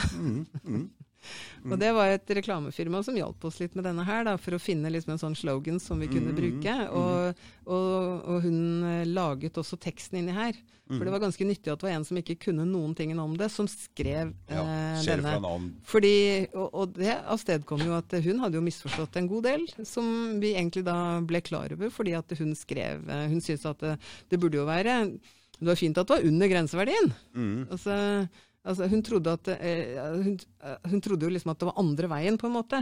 Og så hadde hun den misforståelsen at eh, ja, radiofrekvent stråling, som de snakker om, da, vi har jo hatt radioer i mange år, og folk ble ikke syke av de. Mm. Og så sier jeg, har du tenkt på det at radioene, det er mottakere, de sender ingenting. Nei, nei, nei. Det er stor forskjell på det som er mobiltelefonen Ja, ja, ja, i dag, som klart, mottar. Mm, og som, det er når du sender, på en måte, som er eh, greiene. Å ja, nei, det hadde jeg ikke tenkt på, liksom. Da, fordi mange bruker liksom sånn at ja, dere husker jo hvordan det var når farge-TV kom, så var dere redd for farge-TV, liksom. Som om det Mm, mm. Det er bare sånn derre Men veldig mange mennesker eh, leser ikke videre da, for de tenker at eh, ja. Men vi hadde en eh, internasjonal konferanse i 2009 hvor vi, hvor vi hadde invitert de ypperste forskerne i hele verden på en konferanse, heldagskonferanse i Stavanger. Oh ja. Som Helsedirektoratet sendte invitasjon til alle sine helseadresser.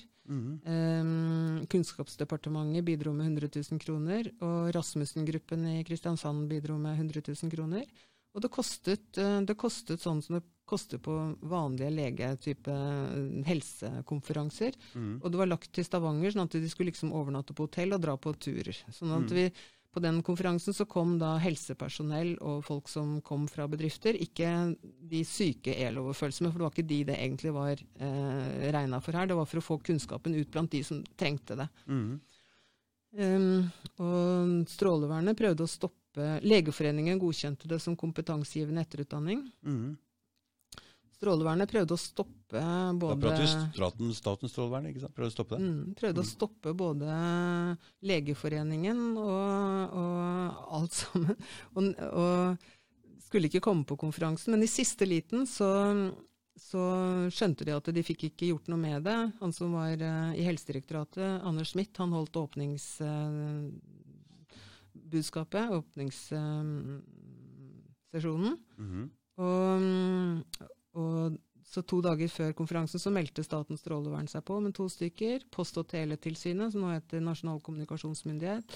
Eh, de meldte seg på hele gjengen og satt der hele dagen og hørte verdens toppforskere på området presentere sine studier som de sier at ikke fins. Mm. Så tenkte jeg nå har vi kommet dit at uh, disse studiene fins, nå kan vi gå derfra. Mm. Men dagen etter så sto det jaggu meg på helside at uh, det ikke fantes noe forskning. Eh, Så bare sånn der, eh, Unnskyld meg, var dere til stede? Sov dere, eller klarte dere ikke følge med, eller hva var det som var årsaken? Mm.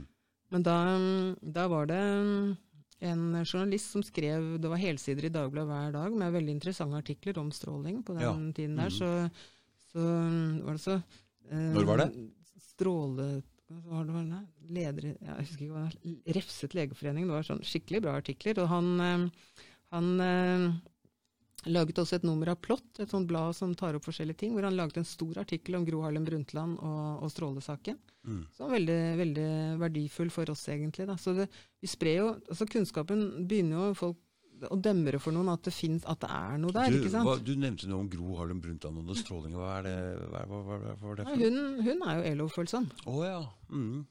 Eh, Så hvis noen skal gå rundt og fortelle at hun er sutrete og innbiller seg at hun er ELO-følsom, og at hun stadig oh, ja. maser om det, så blir det, det faller egentlig på sin egen urimelighet, syns jeg. Okay. Mm. Men hun var jo leder i Verdens helseorganisasjon, og dette fortalte hun om på Skavlan for eh, det er bare noen måneder siden, og at hun gjentok det. Hun ja. vil ikke, hun vil ikke gå inn i denne kampen vår, liksom. Men, men hun, når hun blir spurt, så sier hun at ja, hun er ELO-følsom, hun tåler ikke. Mhm.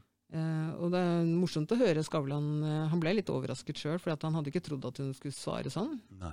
Og sånn er det. Mm. Det fins jo ikke noe forskning, sier han. Jo, det gjør det, sier hun. Oh ja, oh ja. Jeg får vondt i hodet, det er ikke noe å Mm, diskutere. mm, mm, Så det var egentlig et ganske morsomt uh, intervju. Hun, Mm, mm. Dette har hun sagt også på Arendalsuka, når Mm. hun ble intervjuet der. Fordi man, hvis man still, stikker inn et sånt spørsmål, så sier hun det. Men Mm. hun vil ikke stille opp og holde noe foredrag Nei, eller engasjere nei, seg. ellers. Mm. skjønner egentlig det. Hun begynner å bli, dra på årene. Hun har en syk mann og masse barn og barnebarn og hele pakka Mm, rundt seg, mm, pluss mm. at hun holder på med sine egne ting. Så, Det er første gang jeg har hørt noe bra om Gro på lenge, lenge. ja. Men hun kan, ikke, hun kan på en måte ikke benekte det, egentlig. Altså, men hun, han som var da altså Mikael Repasjoli, mm. som heter Bertol, Bertolini i denne boken her, mm. han eh, var da, kom inn via industrien og klarte faktisk å, å få til ting mot Gro mens hun var leder i Verdens helseorganisasjon. Og det er det som ble skrevet om i det plottbladet. Mhm.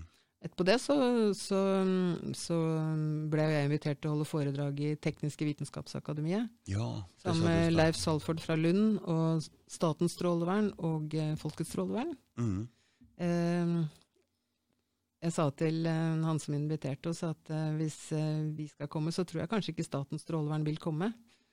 Og Det trodde han ikke noe særlig på, men så var det faktisk sånn at de sa at hvis jeg kom, så skulle ikke de komme. Oh, ja. Det er ikke rart du ikke fikk jobb der, Sissel. så, men da sa han veldig tydelig at eh, hvis vi i Vitenskapsakademiet skal ha tema stråling, og Mm. strålevernet nekter å stille opp, da finner jeg det meget besynderlig. Mm. Det tror jeg må ta opp med din sjef. Og da Mm. kom de, da. Mm. Eh, og så fortalte de hvordan de burde ha jobbet, ikke hvordan de faktisk jobber. Mhm. Eh, og så var det julemøte, og vi skulle vel liksom være hedersgjester, og det var flott, det der Vitenskapsakademiet. Jeg vet ikke om det har vært det. Det er et sånn Nei, nei, nei, nei, fantastisk hus, Mm. vet du, med Mhm. ja, virkelig den derre Ja. Det er, eh, det er eh, den plassen som da Strålevernet skulle hatt, liksom ved enden av bordet der, ikke sant? den var tom, da, for de hadde løpt av gårde med en gang de var ferdig med foredraget sitt. Mm. Eh, så, men han var veldig bestyrtet over at de faktisk eh, ikke ville komme hvis jeg skulle komme. Altså, det sier jo bare litt om eh, Innstillinga. Mm. Jeg kan tingene mine. Mm, Nytter ikke å lyve når jeg står der, for da sier bare at det er ikke sant. Mm, Det er ikke riktig. Mhm. Nå lyver du. Jeg sier det som det er, egentlig. Men eh, jeg sier det jo ikke uten at jeg vet det helt sikkert heller. Nei, nei. Eh, nei. Nei, det var, men det er morsomt, for i, i Vitenskapsakademiet så Det er et sånt foredrag som er om kvelden, da. og det kommer jo masse mennesker, særlig eldre. Mennesker som har tid til å gå eh, på foredrag i uka. Mm. Så det satt en del mennesker der som eh, var interessante, som, eh, som hørte på det foredraget. Og som tok kontakt igjen seinere. For det, det er alle de dråpene du får, altså alle de dryppene som kommer inn med hvor du hører det. Og hvis du til slutt leser i VG, så skjønner du at det er sant, da. For det er jo liksom Mm, det det folk tror er sant. Men, men det er noe med at du må høre det fra flere steder for å faktisk tro på det. da. Mm, ja, og det er sånn, det veit jeg, for det er noen ting jeg må liksom høre det fra flere personer for å ta det inn som en Ok, ok, det er kanskje noe her. Da tenker vi liksom sånn en bok, en brosjyre, litt Mm. sånn avisinnlegg og litt uh, intervjuer. Og en podkast, kanskje. Mm. ja. ja. Hva som helst. Mm. Ja. Skal vi bare avslutte, Cecil? Ja, jeg kan, vet du hva, Hvis du putter på 50 år til, så kan jeg snakke 14 dager til. det er jo så mange morsomme opplevelser ikke sant, som er sånne der kuriositeter som gjør at jeg vet helt sikkert hva jeg snakker om. Mm, 35 år er lang tid, så jeg, har, eh, jeg, jeg vet veldig godt. Og, og det er jo den, den informasjonen som jeg skulle ønske jeg kunne gi fra meg til myndighetene, sånn at de kunne bruke det på en fornuftig måte. Det er mitt høyeste ønske. Mm. Eh, men hittil så har jeg ikke fått til det, da. Vi andre er i hvert fall takknemlige for at du har gjort den jobben du har gjort, og at du har kommet i den situasjonen. Selv om det har kosta deg mye både med det ene og det andre, så tror jeg vi skal være jævla takknemlige for at det ramma akkurat deg. For at du er så sterk som du er, som du har klart For det er ikke alle som hadde klart det du har gjort. Nei, det er veldig hyggelig sagt. da, Ja, det er jo sant. veldig hyggelig sagt. Ja. Ja. Det er sant. Mm. Men takk for at jeg fikk komme. Da, Ja, da får jeg muligheten til å presentere deg. Takk for at du kom. Mm, mm, okay.